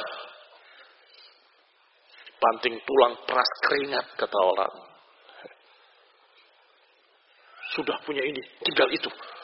Sampai dapat rumah, belum kendaraan, saya harus kerja lagi terus. Lupa kalau kebahagiaan itu bukan dengan itu, dunia Yusamma dunya li'annahu deni. Dunia dinamakan dunia karena dia itu deni, yang rendah di bawah. Id antum bil udwati dunya. Apa udwatu dunya? Di tempat yang rendah. La tusawi janaha ba'udah. Tidak senilai sesayap nyamuk pun Lau kanat dunya tusawi janaha ba'udah, kalau saja dunia ini punya nilai sesayap nyamuk saja, maka tidak akan diberikan kepada orang kafir syurbata ma, enggak akan diberikan pada orang kafir seteguk air pun. Kalau punya nilai, enggak diberikan pada orang kafir. Tapi lihat dunia, Diberikan pada orang kafir, diberikan pada orang muslim, diberikan pada orang baik, diberikan pada orang jelek, diberikan pada orang mulia, diberikan pada orang rendah. Semua dikasih oleh Allah. Karena tidak ada nilainya. Setelah itu lenyap, fata morgana. Setelah itu nanti jannah tidak diberikan kecuali pada orang mukmin karena punya nilai yang tinggi. Enggak diberikan pada orang kafir, hanya diberikan pada orang mukmin ketika ditunjukkan, ketika diperlihatkan, maka mereka berkata penduduk neraka, berikan kepada kami minum minal ma. Inna Allah harrahum, harramahum. Sesungguhnya Allah mengharamkan alal kafirin terhadap orang kafir. Ikhwani fi din azakumullah. Maka hendaklah di dalam berupaya diiringi dengan doa. Jangan lupakan doa. Nah, silahkan berusaha. Tetapi doa itu adalah silahul mu'min. Rabbana hablana min azwajina wa dhurriyyatina qurrata a'yun waj'alna lil muttaqina imama. Kebahagiaan itu dari Allah ketentraman, ketenangan hati, tumaknina, sakinah, mawaddah dari Allah Subhanahu wa taala. Maka mintalah kepada Allah Subhanahu wa taala, berikan ya Allah hidayah kepada kami, jadikan durian istri-istri kami dan duriyah kami sebagai orang-orang yang saleh dan salihah, mukmin mukminah. Ikhwani fi din meminta kepada Allah Subhanahu wa taala hayatan thayyibah dan berlindung kepada Allah Subhanahu wa taala dari ma'isyatan dhanka. Allahumma aslih li dini alladhi huwa ismatu amri wa aslih li dunyaya allati fiha ma'ashi وأصلح لي آخرتي التي فيها معادي. اللهم اجعل الحياة زيادة لي في كل خير والموت راحة لي من كل شر. Diajarkan oleh Rasulullah SAW untuk meminta ya Allah perbaikilah. Agama kami yang itu ada pelindungan buat kami dan perbaiki dunia kami karena dunia itu ada kehidupan kami dan perbaiki pula akhirat kami karena akhirat itu tempat kembali kami dan jadikan kehidupan sebagai tambahan kebaikan dan jadikan kematian kami sebagai istirahat dari kejelekan-kejelekan. Jadi segala macam kejelekan. Hidup kita minta pada Allah agar dijadikan sebagai tambahan kebaikan. Dan kematian kita berharap pada Allah dijadikan sebagai istirahat kita dari segala macam kesusahan. Atau yang juga diriwayatkan, kalau yang tadi Rasulullah Muslim, dalam riwayat Imam Ahmad diajarkan pula doa. Ikhwan ibn a'azakumullah. Minta rahmat. Lebih luas. Rahmat dalam segala sesuatu. Allahumma. Rahmataka arju Ya Allah rahmatmu yang kami harapkan. Fala takilni ila nafsi tarfata ain. Ya Allah jangan serahkan diriku pada diriku sendiri. Sekejap mata pun. Ini menunjukkan doa dan sekaligus pengakuan kelemahan. Aku tidak mampu ya Allah. Jangan serahkan diriku pada diriku sendiri. Aku nggak bisa. Tanpa pertolonganmu, tanpa bantuanmu, tanpa rahmatmu, Gak bisa. La takilni ila nafsi tarfata'in. Wa aslih li sya'ni kulli. Ya Allah perbaikilah urusanku seluruhnya. Seluruhnya. Urusan istrimu, urusan anak-anakmu, urusan keluargamu, urusan kehidupanmu, urusan pekerjaanmu, urusan aslih li. Fi sya'ni kulli. La ilaha illa ant. Ikhwani. Mudah-mudahan doa dan zikir saya akhirkan bukan berarti dibelakangkan. Karena memang sengaja saya akhirkan supaya yang paling diingat. Yang paling diingat ketika kita pulang dari mahadarah ini, kita ingat zikir dan doa. Amalan saleh. Di samping semua perkara yang sebelumnya tadi, Penghalang-penghalang harus kita hindari agar kita bisa mendapatkan keluarga yang sa'idah, sakinah, penuh mawaddah, warahmah, menjadi keluarga yang sukses dunia akhirat. Asal taufiq wal afiyah wal hidayah wa rahmah. Subhanakallahumma bihamdik. An la ilaha anta wa atubu warahmatullahi wabarakatuh. Banyak sekali pertanyaannya.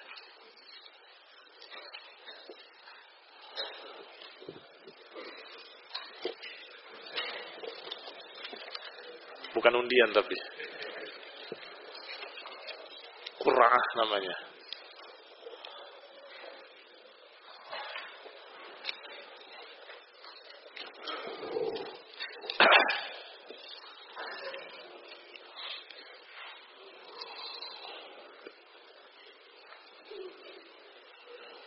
Bagaimana cara memperbaiki akhlak tabiat kita yang jelek dan penyakit syahwat di dalam hati? Mohon tips dan nasihat-nasihatnya.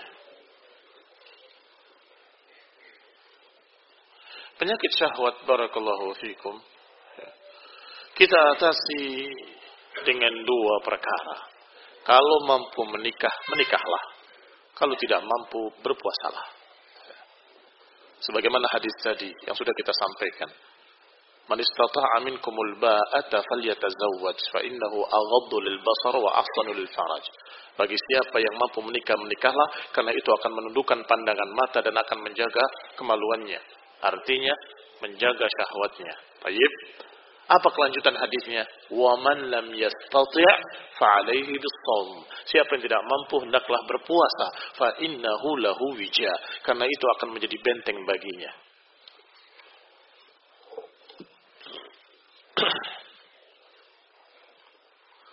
Seorang abi membawa putranya empat tahun sholat jamaah dengan tujuan baik agar si anak terbiasa sholat berjamaah. Namun si anak sangat aktif, belum bisa dikondisikan, tidak jarang membuat keributan. Mana yang lebih baik? Mohon nasihatnya. Syekh Ibn Utsaimin rahimahullah menyatakan, anak dibawa ke masjid itu kalau dia mumayyiz. Mumayyiz itu ciri-cirinya kalau dia diatur nurut kamu di sini ya, diam. Ya, nah itu. Kalau masih nggak paham, kamu ngomong dia nggak paham, lari sana lari sini. Ya bukan salah, bapaknya memang dia tidak paham kamu ngomong apa. Berarti terlalu kecil. Jangan. Biar sama ibunya saja dia sholat di rumahnya. Artinya ibunya yang membimbing sholat. Ayo sholat dulu. Walaupun ibunya serius, dianya silakan ngikut. Boleh, tidak boleh, terserah. Ya. Tetapi melihat ibunya sholat. Karena khawatir mengganggu sholatnya kaum muslimin. Masalah-masalah yang mengganggu sholatnya kaum muslimin dihindarkan. Suara HP dimatikan. Kaos-kaos bergambar bertuliskan dijauhkan. Jangan dipakai ketika sholat. Takut mengganggu kaum muslimin anak-anak yang belum mumayyiz jangan dibawa ke masjid.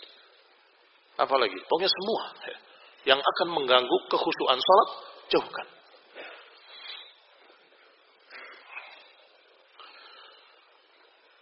Mengingat di daerah ini ada yang awam dalam masalah tato, mohon solusinya dan jalan keluar bagi laki-laki yang sudah terlanjur bertato. Kalau bisa dihapus, dihapus segera kalau tidak bisa dihapus, banyak-banyak yang bertobat pada Allah Ta'ala dan tetap sholat. Jangan berpikir karena ada tato nggak mau sholat. Sholat. Tetap sholat. Mudah-mudahan Allah Subhanahu Wa Ta'ala maafkannya, mengampuninya.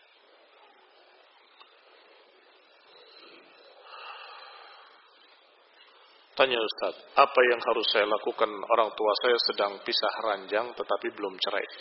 Bagaimana sikap saya sebagai anak? Apa yang harus saya lakukan? Pisah ranjang itu barakallahu fikum ada beberapa bentuk. Kalau menghukum maka tidak boleh lebih dari batas waktu yang ditentukan. Seperti ila ladina yu'luna min nisaihim. Tidak boleh lebih dari sekian puluh hari. Kalau lebih, maka diberi pilihan. Ima diceraikan, wa ima diperlakukan kembali sebagai istri. Kenapa? Ada pula pisah ranjang dalam bentuk yang lain, yang haram, yaitu menyatakan anti kabahri ummi, engkau itu akan aku perlakukan seperti ibuku, kata sang suami. Aku akan mengurusi kamu seperti ibuku. Beri makan, minum, maisha, tempat, om, perhatian, ngobrol, segala macam. Kecuali jima. Karena ibu kan tidak dijimai. Ini nggak boleh. Haram hukumnya. Maka anak tadi hendaklah menasehati bapaknya untuk menasih atau untuk melakukannya diperintahkan oleh Allah Taala kalau sudah lebih waktunya. Saya tidak tahu berapa lama ini sudah. Tetapi kalau sekedar beberapa hari untuk atau seminggu atau sepuluh hari hanya untuk menghukumnya supaya jerah, maka itu ada dalam Quran. Kalau dikhawatirkan nusuz pelanggaran-pelanggaran kepada para wanita tadi, maka Allah katakan untuk itu wa itu hunna nasihati dia dan juga disuruh kalau tidak bisa maka wadribuhunna pukullah mereka. Wahjuruhunna fil madaji' nah atau diboykot mereka di tempat tidur atau pisah ranjang. Allah taala a'lam. Dan juga nasihati ibunya untuk minta maaf. Bu ngalah aja minta maaf sama bapak bahasa ngalah aja itu menunjukkan bahwa engkau tidak menyalahkan ibumu. Walaupun mungkin kau tidak salah, tapi ngalah saja gitu. Karena dia adalah suami. Dia laki-laki.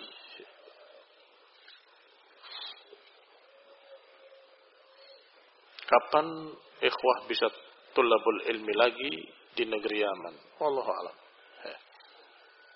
Mudah-mudahan segera bisa belajar di negeri Yaman, di negeri Saudi, ataupun di tempat lainnya insya Allah. Bagaimana jika istri lebih solehah dalam beragama, juga dalam mendidik anak? Apa tetap mengingatkan, apakah suaminya tetap mengingatkan dan menasehatinya? Iya. Karena suami memiliki sesuatu yang dia tidak punya. Apa itu?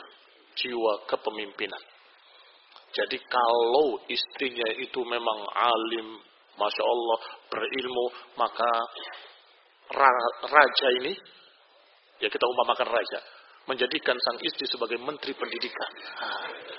begitu kira-kira. Ya. Kamu yang ngatur, tapi yang ngajar dia gitu. Kamu ajar anakmu. Ini, gini, gini, jam sekian, jam sekian. Kamu, jam sekian, jam sekian. Kamu, ya. Wahai istriku, saya datang sudah selesai. Jadi setelah datang sudah selesai, kan giliran suaminya diajari. Setelah selesai semua, gimana selesai semua? Udah pak, uh, udah. Anak-anak sudah saya ajarin ini. Nah, sekarang giliran saya. Khusus. Nah, dari hati ke hati.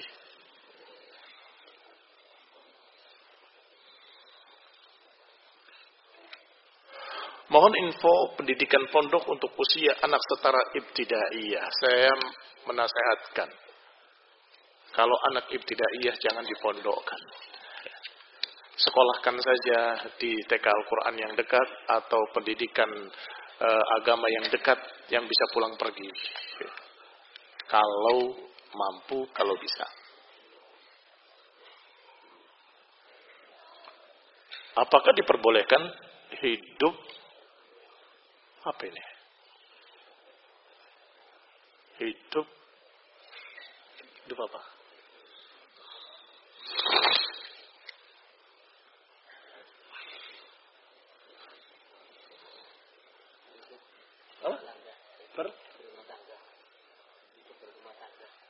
Bolehkah hidup berumah tangga karena anak?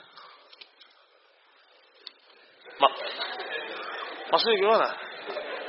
Tapi begini, mungkin saya paham. Karena tadi di awal saya jelaskan tentang niat ya, untuk ngodul basar, untuk ini, untuk itu kan. Nah, bolehkah kalau niatnya karena pengen anak termasuk di dalamnya Karena itu adalah tujuan yang syar'i. Tazawwaju al-wadudul walud fa inni mukathirun bikumul umama qiyamah. Nikahlah dengan wanita yang penyayang dan peranak. Karena sungguhnya aku akan bangga dengan banyaknya jumlah umatku nanti yaumil qiyamah. Bagaimana kalau seorang istri tidak mampu melayani suaminya jima dalam dua hari sekali dan justru mengharapkan anak untuk menikah lagi? Tetapi anak merasa belum mampu berbuat adil dan takut ancaman seseorang yang berjalan miring karena tidak bisa adil. Bagaimana solusinya? Sayang sekali.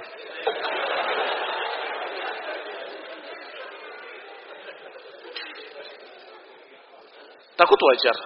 Ya, takut wajar. Tetapi barakallahu fikum yang namanya adil itu pada beberapa sisi saja kata para ulama. Adil dalam memberikan nafkah dan adil dalam menggilir harinya.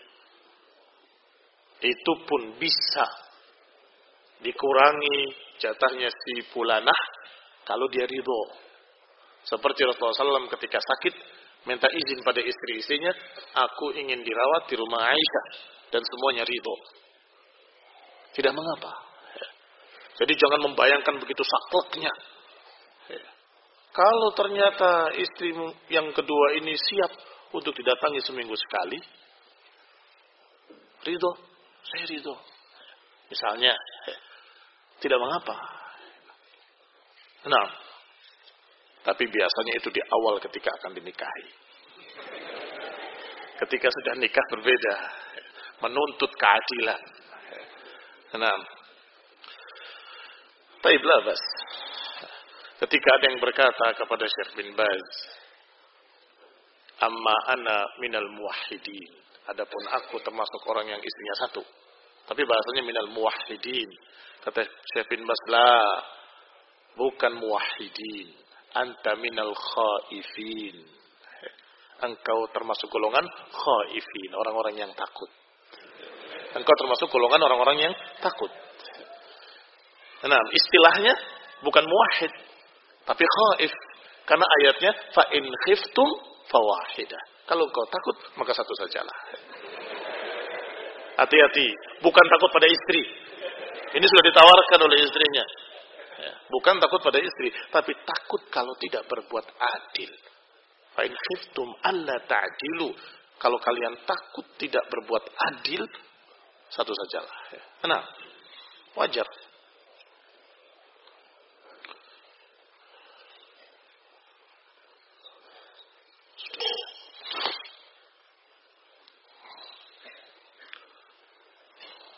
Ini yang berat. Apakah jatuh talak seorang suami yang menceraikan istri dalam keadaan marah? Kalau marahnya sampai dia lupa diri, mengucapkan tidak sadar, mungkin tidak jatuh. Tapi jarang orang yang seperti itu. Ketika dia sadar, kamu serius mau menceraikan saya. Harus ditanya, ditegaskan. Tetapi sering kali mereka marah tidak sampai seperti itu. Sehingga ada perbedaan di antara beberapa ulama bagaimana talaknya seorang yang marah.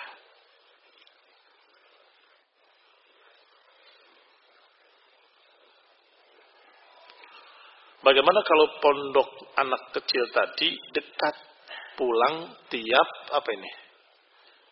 Nah, kalau dekat bisa ketemu orang tuanya dan bisa sering pulang, nggak apa-apa insya Allah. Yang penting maksud kami adalah dan juga apa yang dimaksudkan oleh para ulama adalah agar jangan terputus dari kasih sayang orang tua. Karena anak-anak seumur tersebut butuh kasih sayang orang tua. نكتفي بهذا القدر بارك الله فيكم سبحانك اللهم وبحمدك أشهد أن لا إله إلا أنت أستغفرك وأتوب إليك والسلام عليكم ورحمة الله وبركاته